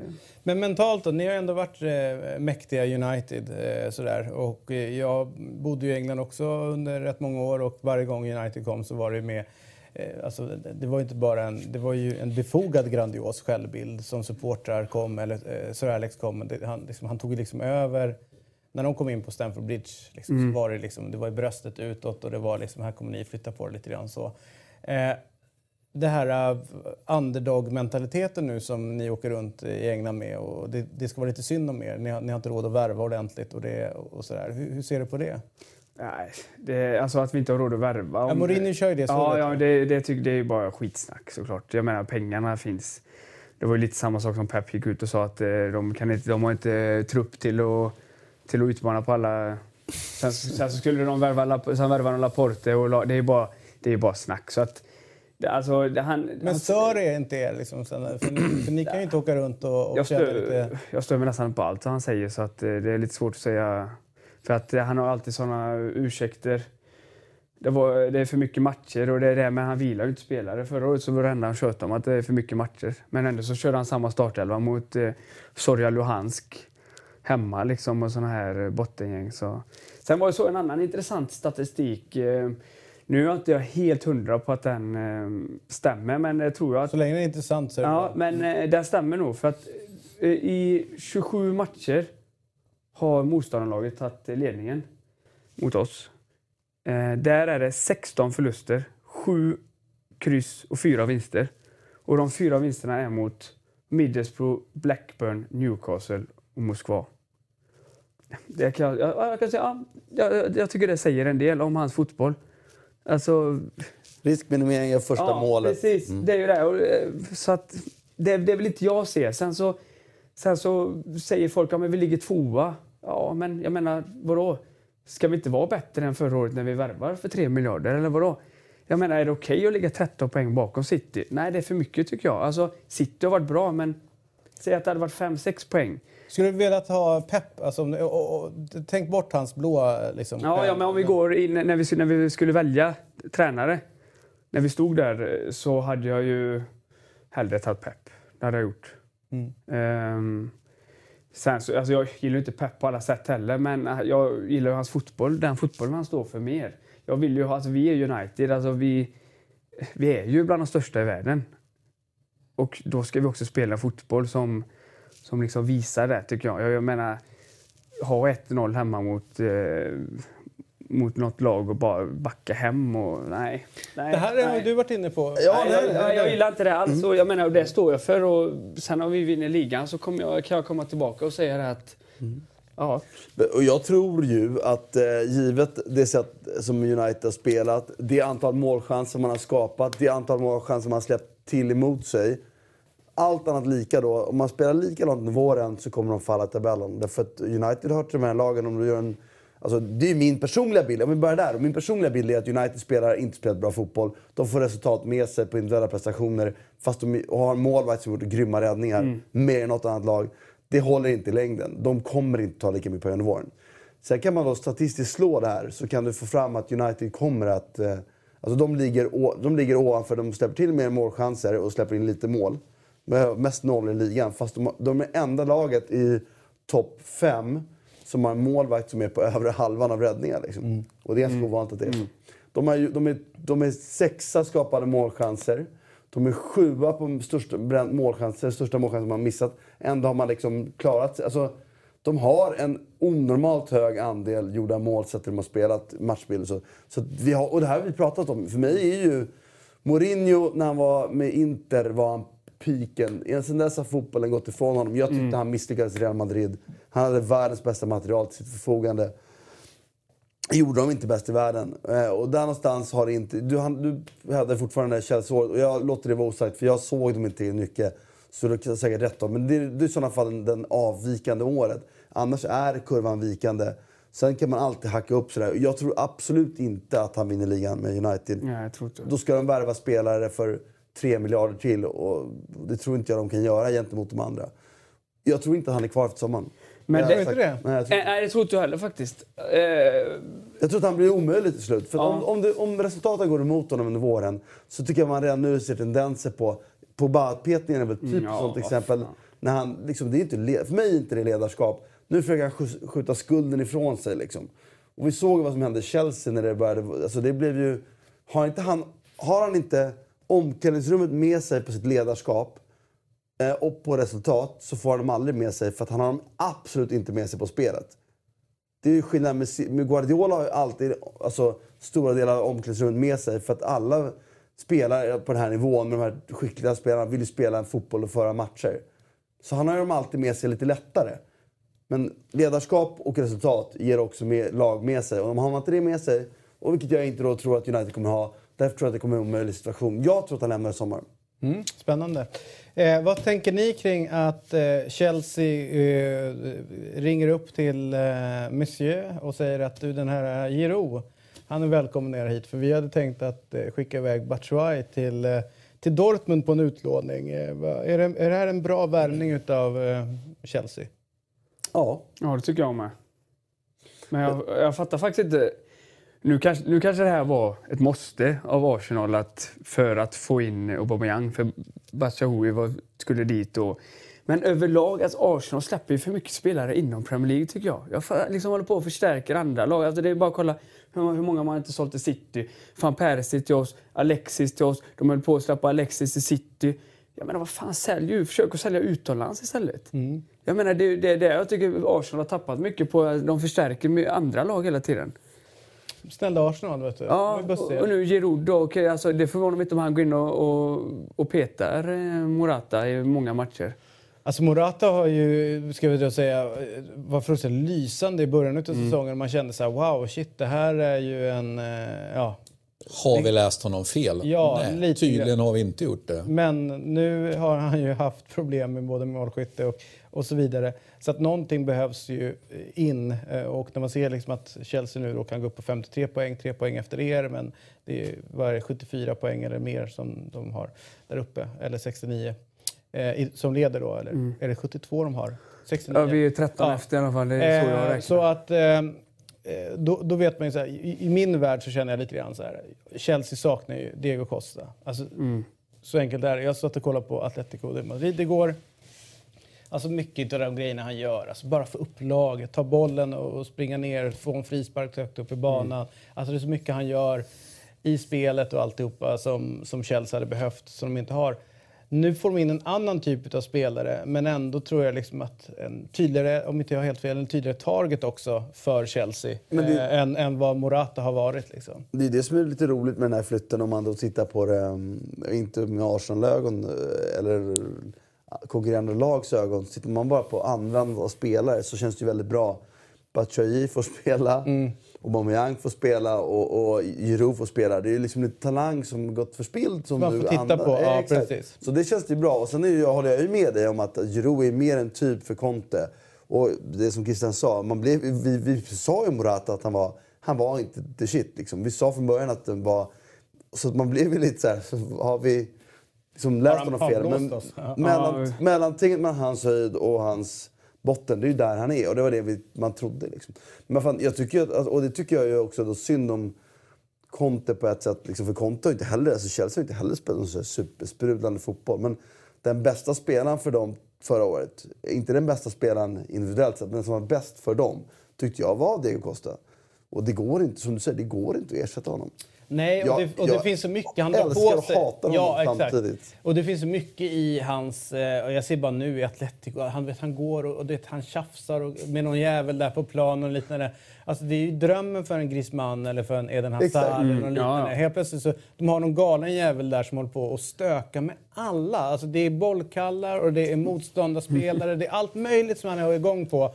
Och, och du vet, så här, han, kan inte ens, han kan inte ens ställa sig i muren utan att han börjar gaffla med, med domaren liksom, på något sätt. Och sen så står han liksom så här, man tror att han är, alltså, han är ju galen på, på något sätt. Men det gör ju att han får så mycket uppmärksamhet och du vet, så här, folk kan inte släppa honom så. Eh, och det öppnar, öppnar upp, ja, och han är Ja, är bra som bra. fan. Och det öppnar upp för, eh, för Eden Hazard till exempel. Extremt mycket. Eller Pedro förra året, eller William. Och Griezmann nu. Ja, Griezmann nu kommer få det jättefint, även fast han, vi kommer återkomma till det, har ju en liten, eh, det är någonting där mellan publiken och, och, så, och honom. Så. Eh, men vi gör så att vi tar oss till, eh, till Italien och jag är så oerhört glad över en grej som hände igår som vi ska alldeles strax få prata om. Och frågan kvarstår, när får Allegri sparken? Snart hoppas jag. Såg ni i Juventus? Såg ni vem som spelade från start igår? Nummer åtta, Marquisio. Så oerhört fin fotbollsspelare. Du vet, han kan starta Jag gillar upp också. anfall, Ja, han är springer riktigt ner bra. upp. Det är lite one touch. Alltså, han är fantastisk. Men den spelaren se- konsekvent har Allegri på bänken. Han har Så är det ju ingen inte känsla heller. Han har ju varit skadad. Han har varit skadad och sen så har han blivit bänkad. Han måste bort för annars kommer han förstöra hela Juventus. Är- Alla spelare som är någonting med Juventus-hjärta lämnar på grund av den där gubben. Han måste bort. Vilka tänker du på då? Ta alla. Alla Vem har vettiga. lämnat som Juventus-hjärta? Bonucci är väl jättebra. Det var ju inte bra att bli av med honom. Det var det väl inte. Han var jättebra hos oss. Ja, Men det var ju, jag sa ju det, det var ju slut. Det var ju Nej, liksom, han ska bort. Han Marquisio kommer lämna om inte han försvinner också. Nej, alltså, jag håller ju med om att Marquisio, det, det förvånar mig lite. Jag har tänkt också på några gånger, alltså Marquisio tycker jag är en underbar Sitter fotbollsspelare. på bänken och skadefri. Men jag kan också tänka mig att ett resonemang är ju det som Christian är inne på.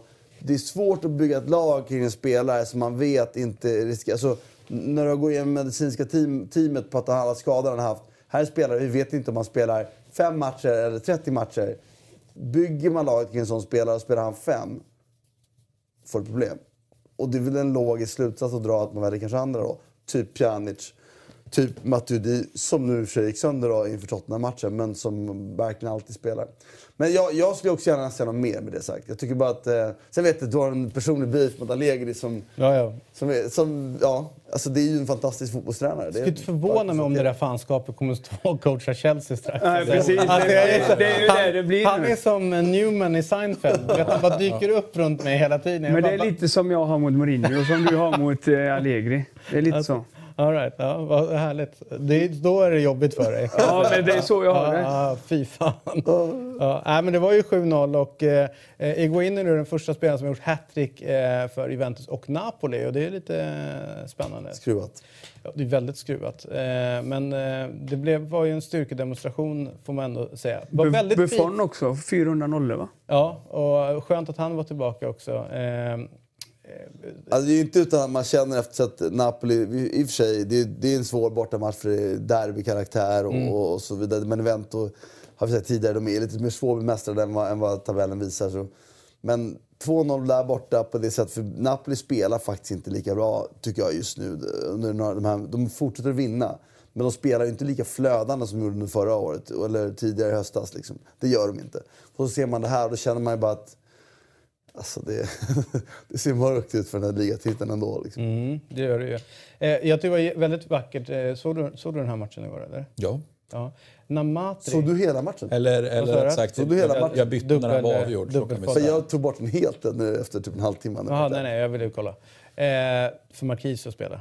Eh, men eh, såg du när Namatri eh, byttes in? Jag hörde bara om det. Det var så, det- folk började applådera. Det var så härligt. Matri gillar man ju. Eh, trots, att, och, trots att han varit runt i, i fel klubbar så tyckte jag ändå var bra att... Det var vackert och bra gjort. Han ger ju ett sympatiskt intryck och har haft en väldigt ärlig spelarstil som eh, Gunnar Nordahl skulle sagt. Men det är också lä- lättare att hylla när man leder med så pass mycket med. Hade det, hade det stått 0-1 så hade han kanske inte fått så mycket applåder. Han har inte blivit inbytt heller. Nej, nej, nej, det är sant. Men ja, du fattar. Ja. Eh, nej, men det var, tycker jag var en, eh, en eh, ja, som du säger, det var en styrkedemonstration utan dess like får man ändå säga utav, eh, utav Juventus. Och likt de bästa lagen så är det nu, Nu börjar de varva upp. det är nu man varvar upp. För vi står ju inför de tre bästa fotbollsmånaderna varje år. I februari, mars, april. Mm, så är det ju. Det är de tre bästa. Det är det. Eh, Därför att eh, där i april också går ju allsvenskan igång och då blir det ju ännu härligare. Och i maj är mycket avgjort och så har vi bara egentligen en Champions League-final kvar. Liksom. Ja. Ska vi åka på den i år? Var den i Ukraina eller? Den är Ukraina. Nej, dit vill jag inte åka igen. Ja, fy fan. Eh, men eh, Inter då? Vad är det som händer där egentligen eh, med dess form? Eh, och, och Spalletti fick ju jät, jättemycket beröm utav bland annat här och, och på andra ställen för liksom det jobbet han gjorde när han liksom kom dit och, och fick igång det. Det såg snabbt väldigt bra ut och då sa ju, vet jag, Martin sa en gång att eh, Alltså kvaliteten har ju funnits i det här laget. Det gäller bara att man får ihop det. Och det tyckte sig han ha fått i början. Men nu eh, börjar väl liksom det hacka lite grann. Tre förluster och fem kryss på de åtta senaste matcherna. Eh, Alltså, det, det är ju... eh, Att det skulle komma någon form av reaktion neråt tycker jag ändå var... Alltså, så bra borde det inte vara. De ska inte vara en titelutmanare med, med Napoli och Juve. Det hade varit en överprestation sett att det är ny tränare allting. Men nu börjar man bli lite orolig å andra sidan. För så här dåligt ska det heller inte gå.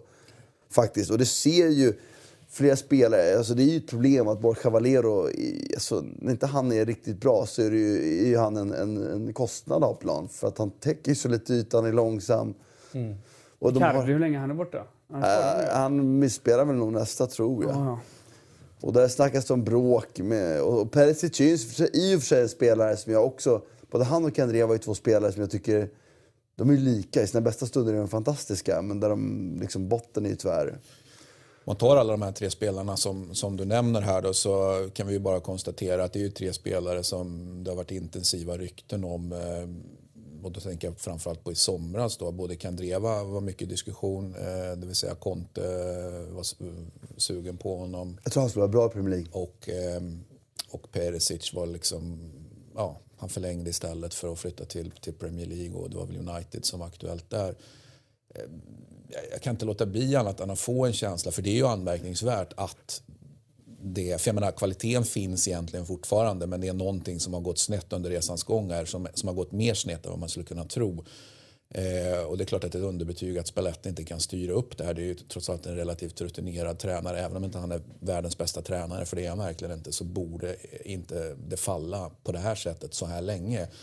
Eh, och, då, och då känner jag det här att vi har en, en Perisic som går omkring och hänger läpp. Eh, han, han, han, han, kanske alltid ser ledsen ut, men jag tycker att han ser liksom konst, skickar fel kroppssignaler.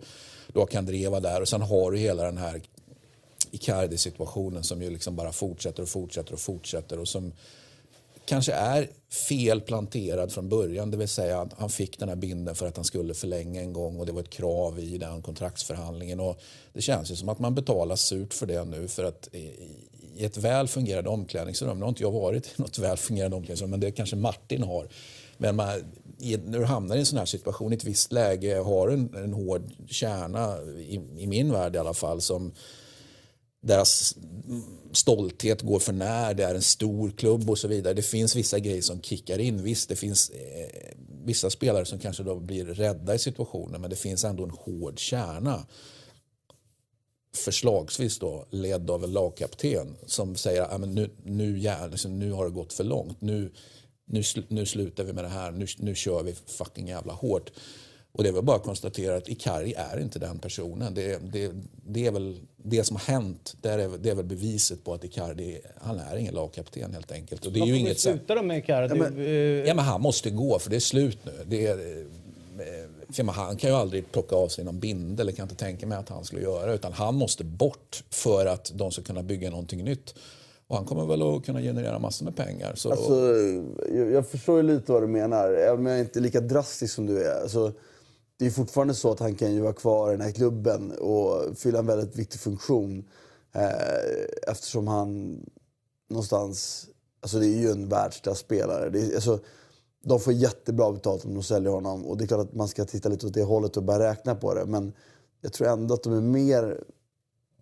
Alltså de blir hjälpta av att ha kvar honom än pengarna de får in just nu den spelaren är svår. Alltså få tag i en sån spelare igen för dem. Ja, det är klart Vad de jättesvårt. Men och där tror jag Spalletti brukar vara bra. Han brukar ju vara rätt konf konfrontatorisk. Han måste ju ge någon mer mandat till någon annan i sådana fall. Om, om det nu är det. Det vet vi ju inte för vi är inte inne i det omklädningsrummet. Så vi ser ju inte det. Vad jag vill säga är också att man ska också vara lite... Alltså, Inter bör sitta lugnt i båten nu. Det är, Exakt, det är fem av sju av de här matcherna är kryss. Håll i det här, få inte panik vad han än gör. De börjar prata om trebackslinje och det börjar pratas... Fine, prova det då. Men eh, liksom, vad han än gör, chilla lite liksom. Mm. De är rätt dåliga på att chilla i... Ja, de är ju det. Och ibland tycker jag de har haft skäl till att inte göra det, för det har varit en del felbeslut. Jag tycker Spalletti... Jag, jag var inte säker på när han kom tillbaka till Roma. Jag är fortfarande inte säker på att det är en, en supertränare, men det är en bra tränare. Har han hängt med, tycker ni? Uh, Henrik sa ju tidigare att Mourinho till exempel har tappat, eh, liksom har inte hängt med. Det har kommit fram andra, vi, vi har ju pratat om eh, Conte eller Simeone och sådana som liksom har liksom uppat upp och gjort någonting annat med fotbollen. Men Spalletti var ju en som var i framkanten tidigare. Alltså förra vändan han var i Roma så var det så här, wow, shit, kolla de här spelar. Sen var ju han borta. Han var ju i Zenit och, och höll på att snurra runt där borta i, i Ryssland. Säger Zenit? Ja, eller ibland. Ja, jag ingen Nej, eller Zenit. Han är ju inte någon framkant längre i alla fall. Det kan men, nej, nej, men, men har, han, har han liksom hängt med? Det är en bra fråga. För jag, jag skulle säga att, att han, han kom ju med något nytt med de här lite, liksom spel, tredje spelare, mm. farten man använder. Den spelet funkar ju fortfarande att använda. Det är inte som Christian säger, det är inte i framkant längre, men det behöver man inte vara. Eller? Eh, framkant kan ju ibland vara dåligt också. Liksom. Jag vill gå tillbaka till det du sa, att han, att han, att han vågar vara kom, eh, liksom, konfrontera. Jag tycker liksom, mm. den konfrontationen han ändå valde att ta med Totti, det var ju liksom en maxnivå på konfrontation ja, i den situationen. Jag läser Icardi, du är liten. Det jag funderar lite grann på då, varför orkar han inte? Eller han beordrad att inte ta den med Icardi? Alltså, han skulle ju kunna Men vet konfront- vi ju inte vad han har gjort heller. Nej, men eh, det känns ju också som att eh, det hade kommit ut om han hade konfronterat. Men var det inte lättare med Totti på ett sätt? Ja, för han var fast, på väg fast han var ut. inte beroende utav Totti på planen. Nej, Men han det är beroende utav Icardi på planen för att få laget att... Och vi vet ju inte hur det är med Icardi. men- Och det spekuleras. Jag bara noterar återigen att det är, är tjafs om, om lönekrav, det är tjafs om det och det. Det verkar vara tjafs med någon spelare. Och Alltså, framförallt Icardi flörtar öppet i sociala Men- medier med flytten till Real. Men vad fan, kom igen, du är ju kapten för helvete. Men- Håll käften. men det, och det jag tänkte komma till är att, att runt honom, utan att veta vem skulden faktiskt är alla de här tillfällen, så är det för många grejer, det är för många saker. Det är inte en person som är så bra. Det, det är liksom ont blod. Av den anledningen håller jag med Christian däremot. Att, av, tittar man på det på det sättet så ska, skulle de sälja honom. Därför att det kommer, det kommer så mycket skit kring honom hela tiden. Om det är hans fru som har, eller sambo som har storhetsvansinne och håller på som hon gör. Om det är någon bok om fansen. Om det är någon bråk med spelare. Om det är tjafs på sociala medier. Det är ju någonting kring honom redan. Det tycker jag är ett större problem än om man inte leder omklädningsrummet. För det behöver inte alla vara som kaptener. För du kan ha inofficiella Men då måste du ledare. ha en annan inofficiell. Och Ja. det, det känns ju som att det finns ingen inofficiell vi inte. kapten här. Nej, Skriniar potentiellt sett är en sån och så vidare. Men en person, vars, eller, eller en funktion i alla fall, vars fel det här också är att man sitter in i Cardis situation. Det vill säga man måste spela honom, om man nu skulle vilja liksom bänka honom för att skicka någon signal. Eh, man ska helst inte hamna i situationer, hamna i situationer, ja men det finns ingen som kan ta hans position istället. Det vill säga det är det här i sådana fall. Alla de här ensamma anfallarna som springer omkring där ute i Europa. Det kan vara, det kan vara. Belotti, det kan vara Dzeko, det kan vara Icardi. Livet som ensam anfallare eh, när du inte har en tillräckligt bra vice. Eh, Mertens är väl ett jättebra exempel nu. Nu har vi skada på honom. Vad ska hända i, i Napoli till exempel? De som har byggt sina liksom, lagbyggen på det där med en ensam central anfallare eh, istället för ett anfallspar. Och så händer någonting och så ska du hantera situationen. Livet blir väldigt, väldigt komplicerat. Jag säger att det är, en, eh, det är också en spelsystemsdiskussion. Problematik. Ja, problematik i allra högsta grad. Men det, och det har alla lag. Eftersom nästan alla spelar med den formationen på ett eller annat sätt så har ju alla den for, Ja, och, det, problematiken. och, det är ju, och du får ju alltid problemet. Eh, som ett brev på posten. För jag menar, du tror fan att det händer någonting med din, ens, med din enda ensamma centrala forward någon gång under en säsong. Du ska ha tur om det inte händer någonting. Nu är det en månad kvar till derbyt och det blir ju intressant. Inte för att Milan går som tåget, men de är i alla fall på något sätt tycker jag, det är en, det är en aggressivare spel. De Men det här har- hade ju faktiskt inte kunnat hända. Det, det är rätt intressant för det här kan ju hända i Inter. Det kan hända i Roma, det vill säga att du får en sån här problematik att helt plötsligt är det tvärstopp och man bara fattar vad fan hände. Det kan inte hända i Juventus till exempel. Det kan inte hända i Milan heller faktiskt. Även när Milan är som, som världssämst så är det ändå en, en, en, hävdar jag med bestämdhet, en, en piazza som faktiskt är lugnare på ett annat sätt och som, som inte hamnar i, i tvärstoppen på det sättet. Typisk inte-grej faktiskt, eh, fast den är ändå överraskande tvärig, stoppet. Jag tror ändå de höjer sig. här. Jag tycker, jag tycker faktiskt Spalletti har gjort det bra. Mm. Så att säga. Jag bra med Roma förra året, men blev de inte tvåa? Eller blev de trea? Tre. Var det Napoli tvåa? Vad var det där förut? Jag har för mig att det ja, skitsamma, men jag tycker...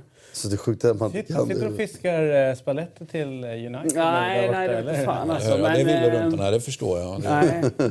det blir inga titlar där inte. Nej, men frågan... Ancelotti då? Nej. Finito. Ja, Unai Ancelotti. Emery då? Ja, ja, ja Mm. kanske. Luis Enrique. Ja, det är ju Det, några som ska ha jobb där ute. ja. Luis Enrique ryktas ju bara eh, till... Eh, ja, alla är ju ryktas. Men Unai Emery har ändå lyckats på flera platser. Och låt vara att PSG är ett enklare val. Liksom. Fortsätter han så där får han vara jävligt försiktig med sitt jobb också. Jag menar bara det tank, alltså att bara säga att han kanske inte tränar Inter nästa säsong, Spalletti. Nu helt plötsligt kan man ju faktiskt prata om det på ett ganska naturligt sätt kan jag tycka. Från att det var helt omöjligt att Och ens vad ska Sarri ta vägen då? Ja, det är väl egentligen, det är ju, det är ju den coolaste grejen. Han lämnar i... faktiskt. Eh, tror du? Men förr eller senare ska han göra det. ja, jag tror att det är rätt många som är sugna på att plocka honom. Alltså det känns, hade det varit Berlusconi varit, varit kvar så hade det varit en Berlusconi-plock. Hade det varit värd- alltså det sätt han spelar. Och. Vad härligt. Eh, kul med lite att det händer grejer i, i Inter också, eller hur? Ja, Nej, men beror det, på- Det finns, jag menar att det, finns, det finns ju grejer att följa upp. Ja, det, men det gör ju alltid det. Man blir ju så här, jag, jag vill ju Inter väl, jag vill vara väldigt tydlig med det. Jag, är- jag är ju lite Intersvag och jag, tycker jag, jag, blir också ledsen faktiskt. Jag, jag tycker det, det där går att göra bättre och jag tänker på en person nu som nu har han ju fått en överrock i form av Walter Sabatini men återigen då sportchefen som ett tag såg ut faktiskt att kunna vara, eh, eller var helt okej och kanske till och med kunna bli en riktigt bra sportchef. Det vill säga Ausilio. Nu, nu, nu kan väl jag känna att Ausilio, nu har du gjort det utan pengar, du har gjort det med pengar och du har gjort det under ganska många år och vet inte fan om det blir så mycket bättre. Ausilio borde väl kanske flyttas på, tycker jag. Ja. Du, eh, vi gör så att vi tar oss till eh, Spanien. Jag tror att det var Martin som var ute och snurrade lite grann efter Real Madrids match mot Levante. Det var lite, lite brydd. Kommer inte ihåg. Kryss. 2-2. Ja. Men jag kommer inte ihåg att jag, var snurrig. Det är möjligt. Ja, vad säger ni nu då? Nu har börjat gå ganska lång tid in på säsongen. Eh, och nu ska de liksom... Ja, jag, jag tänkte efter de mötte Valencia där och liksom vann ganska så lä- lätt sådär liksom att okej shit, nu har han lyckats igen med det här att eh, ja, varva upp det här gänget tills det drar ihop sig till Martins favoritmånader då, eh, de här eh, mars, april, maj. Och att Nej, kommer de, februari, Februari mars, april. F- f- Precis. Sorry. Februari, mars, april. Eh, att de kommer varva upp och så står de där med en Champions League-buckla typ igen och är bäst i Europa och i Ja, världen. men det kan de ju fortfarande Ja, göra. men, att, men det, är inte, det är inte mycket som tyder på det nu när man ser dem. Christian håller mig fortfarande Ah, nej. favorit på Ja, PSG. Nej, det tycker inte jag de är. skulle inte eh, bort- skriva bort dem från Champions League, inte alls Men faktiskt. är det inte Men, li, lite likadant där som jag tycker, alltså offensivt sett, Zidane denna säsongen. Det hände inte mycket. Det är lite det, alltså, jag tycker också det är lite det att han li- förlitar sig på individuella presta- prestationer. Lite som Mourinho där. Och nu är ju Real sämre defensivt än vad vi är för de, det är ju, de släpper ju nu mycket mål som helst. Men jag, jag tror att det är en ohållbar... Jag tror Zidane ryker. Tror jag. Ja, ryker, det, det tror vi väl kanske att han gör, absolut. Men han kan, Men, kan men jag, tror, ryka, jag, va? jag tror att han måste ryka för att han, alltså, han kommer inte... Och han var landar, inte han, var landar en sån kille då? Alltså vad... Alltså det är ju sjukt. Var? Franska landslaget. Under Champa misslyckades sommar. Kanske? Ja. Juventus skulle Juve, ju ja, inte ta jag honom. tänkte säga Juve. Nej, jag tror inte det. Det hade varit spännande för då ser ju de... Alltså, då är, man, de, då är om man inte hade fallit så mycket som man har fallit nu i ligan, då skulle jag vilja hävda att Juventus hade kunnat vara ett alternativ. Men, men inte, inte, inte nu när det har blivit sån superdipp som det ändå har varit. Men, eh, det beror väl på hur han ser sin karriär. Menar, Har han tänkt sig att träna många år till? Eller har han tänkt sig, det kan ju tänka att han faktiskt... Vi kan väl ponera att han, att han, att han lägger ner klubblagsfotbollen i Europa nu och checkar ut, kör, kör ett landslag till exempel om Frankrike skulle vara ledigt. Kanske kör, kör arabvärlden någonting och... Eh, Kanske alltså, vet lite grann med. Beckham i Florida Ja, men- om något år. Varför inte? Jag, jag, Eller så hamnar han i Premier League som alla andra. ja. Nej, jag menar, han, Det finns tillräckligt många klubbar i Premier League som har mycket pengar och som skulle vara intressanta för honom och där namn är viktigare än, än eh, metod. Ja, det är ju, det är ju baksidan av all programmering då, det vill säga att det inte är programmerat alls utan du köper någons karisma som i det här fallet kanske är en icke-karisma men det är liksom lik förbannat en karisma. Ja, han, är, han imponerar ju verkligen inte. Det kan men, eh, påstå. Och, det, det, är ju, det är ju sjukt bara, tycker jag ändå, att de inte liksom kan hålla undan. Alltså, Pazzini, alltså, hur, hur de hamnar med laget när han får sitt, gör sitt mål. Carvajal långt ute och försvarsspelet blir öppet. Och, Ja, De öppnar dem, ja. Så in i helvete. När det är minuter kvar, man leder med 2-1 och en tight match. Och, nej. nej, det där är, det är, alltså, det har vi sagt förut, det är ju det sjukaste fallet jag har sett ett klubblag göra under min levnadstid. På så kort tid. Får se om de klättrar tillbaka. Jag, jag håller definitivt PSG som eh, en favorit, om någon ska nämna favorit. Ja, jag har med. Fast det, det vore väldigt roligt om Real Madrid slog ut PSG också. Tycker jag. Ja, ja, det är klart. Annars är ju Sevilla, det är ju eh, varken himmel och helvete hela tiden med, med Montella. Ja, Fortfarande precis. för kort tid att bedöma, men eh, det är ju lite oroväckande att det är 5-1 smäll borta mot Oriana och, och i... Det är ju en fin spelare, men eh, nej, det ska ju inte... Med det sagt så är ju Eibar, eh, har ju tuffat igång och det grövsta. Vi tror aldrig, Ja. Jag tror inte vi har pratat om Eibar den här säsongen. I, Men Eibar, Alaves, Levante, Getafe, det är, alltså, det är bra fotbollslag. Alltså. Väl sammansatta. Spelar fin fotboll, taktiskt duktiga, tekniskt skickliga. Så visst, absolut. Men inte 5-1, Christian. Nej, nej det, jag är den första att skriva under på. Det, men jag, jag höll på att säga, jag var på väg att säga att jag inte var förvånad, men lite förvånad måste man ändå vara över 5-1 faktiskt. Eh, Nej, det, det var, var, eh, Men det är ju någonting som är, som inte, alltså säsongen, alltså inuti säsongens Valens, eller förlåt mig, Sevilla som, som det, det där är, det finns inget lyckligt slut på detta. Sorry, jag önskar att det gör det. För jag vill, det är en annan klubb man vill väl. Jag hoppas de- Väldigt vad välvilliga är Ja, men vet vad? Så här, om de kalibrerar tränarval rätt. För nu verkar ju liksom... Det är inte, det är inte Inte liksom... gonna happen. Han får gärna vara kvar till vi möter dem i alla fall. Montella. Ja, det- alltså, där slår, slår vi inte ut dem med Montella, alltså, det, då är det bara att lägga ner. Fast Men de har hög höjd med Jo, Montella. men jag måste säga, jag måste säga att uh, under, under Mourinho, jag tror... Jag, alltså, ligamässigt... Där kommer han, men jag tror fan, alltså i Champions League tror jag vi kan gå långt. För där, där kan hans fotboll... Där, där kan man få liksom... Det, är ju riskminimering, jo, belönas ju mer, Så att, är det eh, där, det är ju det Simeone också varit så bra på. Han är ju också lite samma typ, men... Ja, snäppet bättre kanske, men... ehm, nej, jag tror vi kan gå långt i Champions League ändå. Sevilla ska ju bara, de ska vi bara slå ut. Fast det, ja, jag vet inte fan. Det, det är ju lätt att säga. Man tyckte så här, äh, ja, United låter ju som ett sexare lag än Sevilla. Ja, de är- de är duktiga, Men om de man har kollar på... bra trupp. jag, satt ju, jag har ju suttit lite grann på sidan om här några månader och, och, och då kan man ju titta med andra ögon lite grann så när man sitter och kollar på fotboll. Och Alltså, det, slår, det, det slår en lite grann när man, när man switchar kanaler eller sitter med eh, liksom, ja, man sitter med olika fönster öppna, öppna så, där, så har man Italien, Spanien, England, kanske Tyskland. Så där, liksom.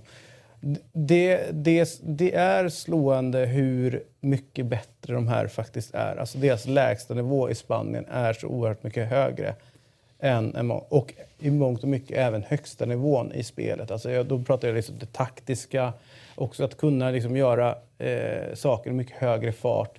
England kanske kan få upp en fart som är högre, men de brister ju totalt sett ganska mycket då i det tekniska utförandet mycket mer och, eh, än, än vad de gör kanske här. Och Italien tycker jag, är, liksom, rent taktiskt sett, så är de ju mest spännande att kolla på. Liksom, de, de matcherna. Så, så att jag är inte säker på att Sevilla är en enkel motståndare, även fast Enkel säger jag inte. Jag säger inte enkel, men vi ska slå ut dem i alla fall. Ja, jag menar, jag, så jag är inte så säker på att den är jättegiven. Höjden. Sevilla har... Jag hävdar ju fortfarande, det håller inte du med om Christian, men jag hävdar fortfarande att det finns många riktigt bra spelare i den där jävla Mm. ja, de har bra, fin trupp på dem, men man ska inte ha minus sex i målskillnad och ligga sexa efter 22 Har omgångar. gjort 28 mål Jag menar, ärligt De- talat, åker vi ut mot dem så... Nej. Men Någonting som inte vad ni ska vara rädda för i va? cupspel är Ja, att höjden jo, är är, riktigt bra med det här laget. Och i dubbelmöte så kan höjden vara... Men det ska vara 80-20 i alla fall, att vi ska slå dem. Det ska det vara. Men jag satt och kollade, jag, jag så- såg fram emot en match så inåt så- helvete i helgen. Det var Atletico de Madrid mot Valencia. Och den lyfte inte upp till den, de förväntningar jag Nej. hade på den. Liksom. Det var, jag är lite besviken på Valencia eh, faktiskt. Eh, och Atletico gjorde det de behövde faktiskt. Ja, men det var lite... Valencia också kände man ju lite sneglade mot eh. Ja, Jag vet inte. Jag Alltså, det var någonting som var... Ja, men jag håller med, den lyfte faktiskt inte Och det riktigt. vi pratade om i torsdags där, att det här kommer smälla, här kommer fo- folk käkas upp och så där. Men jag såg inte det riktigt heller. Liksom så. så att det var eh, lite trist att det blev på det sättet. Men Det det var ett litet antiklimax faktiskt på söndagskvällen. Att De matcherna brukar ju vara... Nu var och för sig Monaco-Lyon ganska underhållande på sitt sätt. Men Napoli-Benevento var ju när Napoli gjorde... Alltså det blev lite, liksom, det blev faktiskt lite avslagen en söndagkväll. Mm. Det kan ha varit jag också, men jag brukar se söndagskvällar är ju den bästa fotbollstiden. Liksom, när familjen har gått och lagt sig och man satt med chips då också, eller? Hej! Nej, bra. Det har för övrigt kommit ut linschips nu. eh, Minus vet. 40 procent. Du, hur är de? Det är rätt okej. Är Okej inte bara? sak. Ja, men det är gott. Absolut. Men smakmässigt är det... Ja, ja, absolut. Men det är inte lika gott. Som light-läsk eller? Men, eh, Inte men, för att läsk är eh, gott. Nej, men läsk är... Hur är de att tugga på? Eh, Får Ja, du chipskänsla ja, liksom? det, det får man. Och kladdig om fingrarna? Ja. Nej, men de Fast är... med, med mindre fett borde man väl inte få något kladd? Är inte det en, av, är inte det en full... Ja, men mindre kladdig, absolut. Vilka smaker finns de i? Finns de i så här Dill och sour cream har jag sett i alla fall. All right. Är de bra dipp, är de dippvänliga? Ja, tycker jag. Och vilken dipp är det bäst om man köper dill där? Alltså, jag kör ju dilldipp. Du kör dill, dillchip och Nej, men dilldipp? jag, köper, jag kör ju... Tone in tone! Ja, shit. nej, nej, när jag kör de där, då, kör- då har jag ingen dipp alls. Du kör utan dipp? Vet du vad jag har börjat göra? Det kanske du borde fundera på också lite. Det är att köra fin crisp och dilldipp. Vad heter det sa du? Alltså, jag käkar ju inget sånt där nu för tiden. Men uh, Finn Crispy är gott som fan med keso på. Ja, det- Keso är underskattade Absolut. grejer, eller hur? Ja, jag har svårt för keso. Men det, det, Skämtar det, du? det, Nej, jag det, är håller med dig nyttigt. är det. Det är Ja. nyttigt i alla fall. Är Jag ska det? faktiskt eh, åka och köpa en sån här keso mellanmål nu. Jag har inte ätit någon lunch. Det är Jävlar. min- det är jävligt- Luft eller kartong eller någonting eller? Va? Keso? Nej, det är gott ju. Det är gott som fan. Skitsamma, låt oss gå tillbaka till eh, Atletico. Det är ju någonting med Griezmann och eh, är, är publiken lite förbannad på honom för att han, har, att han vill bort? Eller vad, vad, vad är det för att det var där att han stannade upp? De ledde med 1-0, han stannade upp ett anfall eh, för att behålla bollen inom laget. Vilket är helt naturligt. att liksom, De andra kan ju inte göra mål så länge de har bollen. Men då började folk bua och så tror jag att han bad publiken och, och, och, och liksom sip it. Så. Är, är det någon snurra på tråden eller har han, har han gått över gränsen och säger att han vill bort? Eller vad, vad är... Han har inte hanterat det helt korrekt tycker jag, de här ryktena som har gått. Jag kan inte minnas att han har sagt någonstans någonting. Men det har gått så mycket rykten om att de har träffat och i något läge har jag också känt att, vänta nu, det är nog smart att gå ut med någon form av starkare dementi eller liksom belysa på något sätt starkare liksom, hur bra man trivs i Atletico Madrid än vad han faktiskt har gjort. Än vad jag, förlåt, än vad jag har tagit del av i alla fall. Eh, så i den månen så, den mån så är han ju lite liksom, skyldig till det. Faktiskt. Ja, han har varit för dålig den här säsongen med. Jag tror att det kan ligga lite i det med. Han stannar och skriver på. Han, han har inte varit jättebra alltså. Och väger man ihop varit. det där. Men samtidigt kan jag också tycka, vilket jag tror du antyder lite här, att, att det är lite orättvist vad han har gjort ändå. Exakt. Och han har faktiskt inte omvänt, vad jag vet, sagt att han ska bort heller. Utan det ryktas om att någon har träffat hans föräldrar. Fan, egentligen, det är inte hans fel. Liksom. Men gick han inte ut och sa att han eh, skrev på eh, för att, han, för att de inte fick värva in en ersättare? Har jag för mig han sa faktiskt. I sådana fall lojalt. Eh, Ja, men i, i, i somras var det väl så. Ja. Att han, var, så jag menar, han har väl egentligen, det är väl egentligen bara olyckliga omständigheter. Sen kan man ju läsa den olyckliga omständigheten lite bättre. Han kanske får flirta lite ivrigare. Men det blev som det blev och transferförbud. Han kunde inte gå fast att det känns som att både han och klubben, egna klubben var inställda på att han skulle gå. Så det känns som att han är han är också liksom fången i situationen och precis som klubben ju är. Så egentligen har de väl hanterat det helt okej egentligen. Det kunde gått ännu sämre kan jag personligen tycka. För klubben ja. Men jag tycker att det är beklämmande att se den typen av reaktioner som han fick utstå igår. Jag tycker inte han har förtjänat det. Jag tycker inte han har gjort, alltså vad jag har tagit del av så har han inte gjort nog för att förtjäna den skit han faktiskt nu får. Men vilken defensiv de har då. Nio insläppta har de bara i ligan. Det är ju, det alltså bara Så man blir tårögd. Ja, men det är bara 33 gjorda framåt. Men eh, det är ju några grejer som sticker ut från matchen då som, som jag ändå tycker är, eh, var härligt att se. Dels där, hur, eh, hur gör man för att liksom, stänga ner en match på något sätt? Då kan man göra lite grann då som ni antydde att Klopp gjorde, man backar hem och sådär. Liksom. Eller så gör man som Atletico de Madrid gjorde igår. Alltså när de börjar spela trianglar och hålla bollen i laget, de mer seniora spelarna, alltså där ser man liksom på något sätt vad erfarenhet gör. Tänk på Koke, Gabri och sen så var det, vad heter han, Saul? Så, ja. Alltså när de börjar spela sina trianglar där och, och liksom hur de rör sig och liksom blir inte stressade av att liksom spela på en, en markerad spelare utan då är det ta en ny position, få tillbaka bollen. Det är också det det, som- det är vackert. Jag, jag tycker det är så vackert att se som, som typ av possession-spel som inte nödvändigtvis ska leda till ett avslut utan ska leda till att kontrollera en matchbild. Det är härligt. Men, och det, det måste jag att, att det, nu har han ju bättre spelare med Mourinho. eh, Men jämfört med Mourinho är ju också att, att Simeone alltid Atletico de Madrid har alltid kunnat föra matcher. De har alltid kunnat spela bollen runt. om. Sen har de valt att inte göra det vissa matcher. Men där känner jag att de... Du sa ju också att, de, att det var en bättre version av Mourinho. Men jag måste göra den distinkta skillnaden att de här är inte bara ett lågt spelande lag. De är ett högt spelande presslag. De är ett lag som spelar svinbra defensiv, men de gör det genom att spela högt, lågt och hålla i bollen. De, jag, tycker, jag har sagt det tidigare, att det är ju i mitt tycke det mest kompletta fotbollslaget taktiskt sett jag har sett. Liksom. Men Simeone kan ju stänga matcher. Det kan ju inte Klopp. Klopp, alltså Klopp och defensiv, det funkar ju inte. Alltså det, det är jag menar, det är därför det är lite roligare att kolla på Klopp. Ja, alltså, jag, jag kollar inte Liverpool nästan ändå, men... Eh, det har ju andra förklaringar. Ja, men jag måste säga att lite Martin säger det här. De måste göra mer än 33 mål om man ska vara så pass bra. Tycker jag. Absolut, och det faller ju lite på ja. faktiskt att, att då, Griezmann har inte varit bra. Nej. Och den spelare han spelar med har inte funnits där. Nu har jag har inte heller varit jättebra. Nej, och jag tror inte han kommer spela så mycket. Nu, alltså, truppen nu är bra. Jag vill ju se vad, vad Simeone gör med det här laget nästa år. Jag tycker första gången det här känns... Jag förväntar mig att Griezmann försvinner och de köper någon annan. Då. Men annars tycker jag de har det mesta för att vara ett lag för att utmana. Nästa. Korea är duktig. Han gillar jag. Och de har ju fått in Vito då, som är en jävligt fin kantspelare. Simeone typ. De har... Jag menar, du säger Saul är ju etablerad spelare, men han är född 94. Liksom. Mm. Kock är född 91, eller vad är han? 92. Det, det är spelare som ska spela länge till. Det är ju bara Gabi som de nu i år har börjat fasa ut. Liksom. Thomas Partey har varit ganska bra.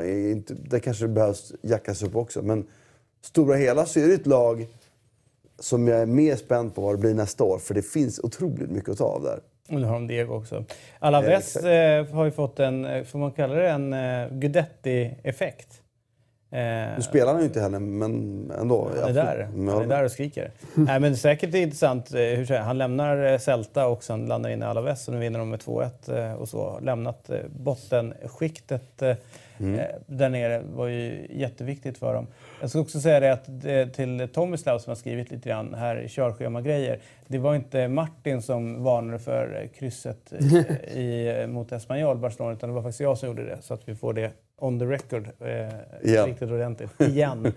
eh, men eh, härligt. Eh, vi ska börja eh, summera här lite grann då. Eh, ska, hinner vi med en tittarfråga till Christian och er andra då?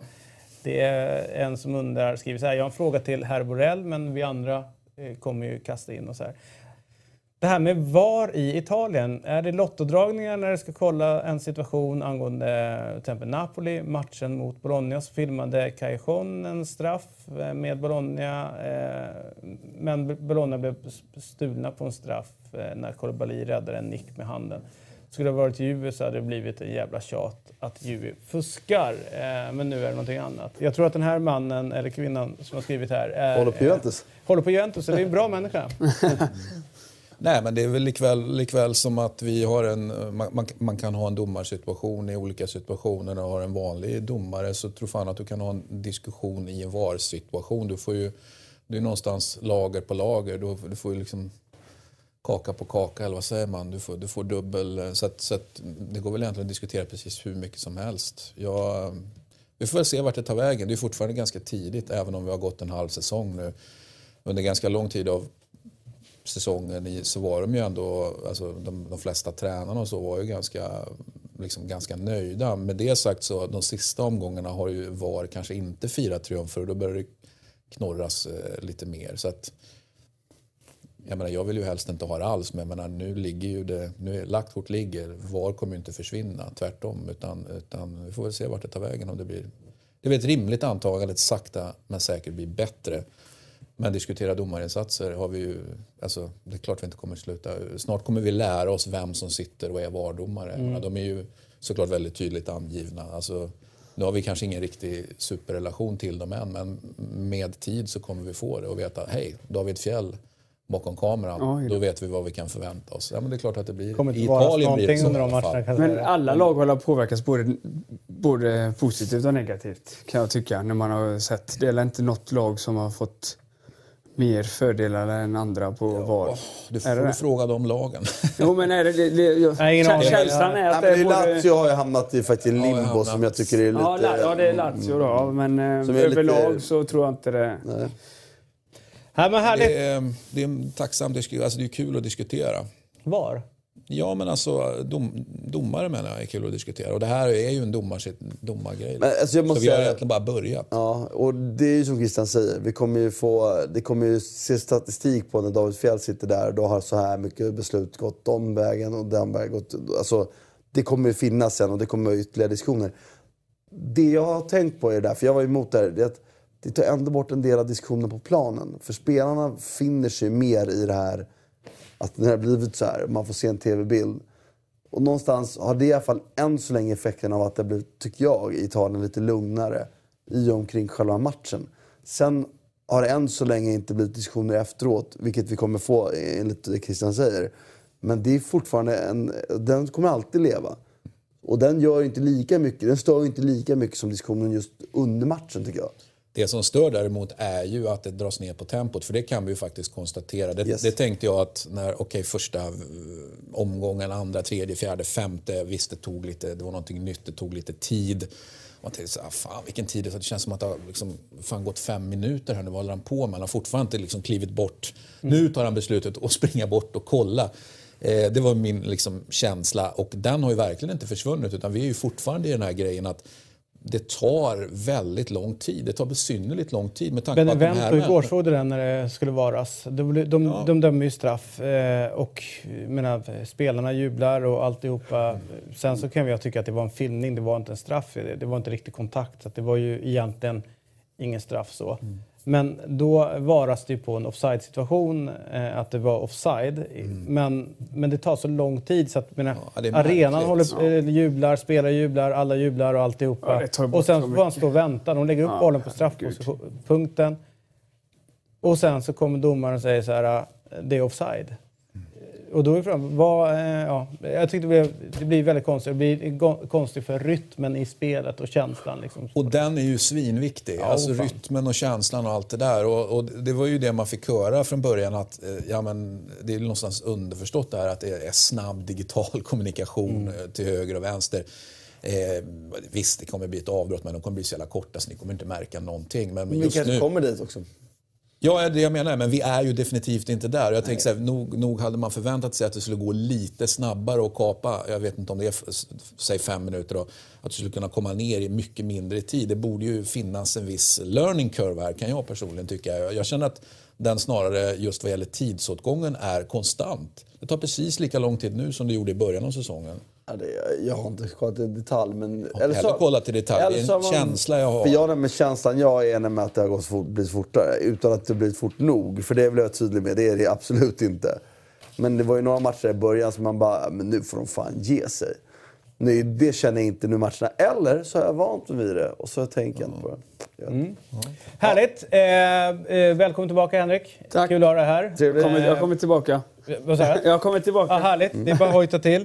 Eh, och missa inte heller topptipparna som har gått igång. Nytt program här på eh, Fan-TV. 08 fotboll, Eurotalk Weekend eh, och Premier League Fantasy. Det är mycket som helst att se fram emot under veckan. Och sen så är vi tillbaka om en vecka, nästa måndag. Lev väl och ha det bäst.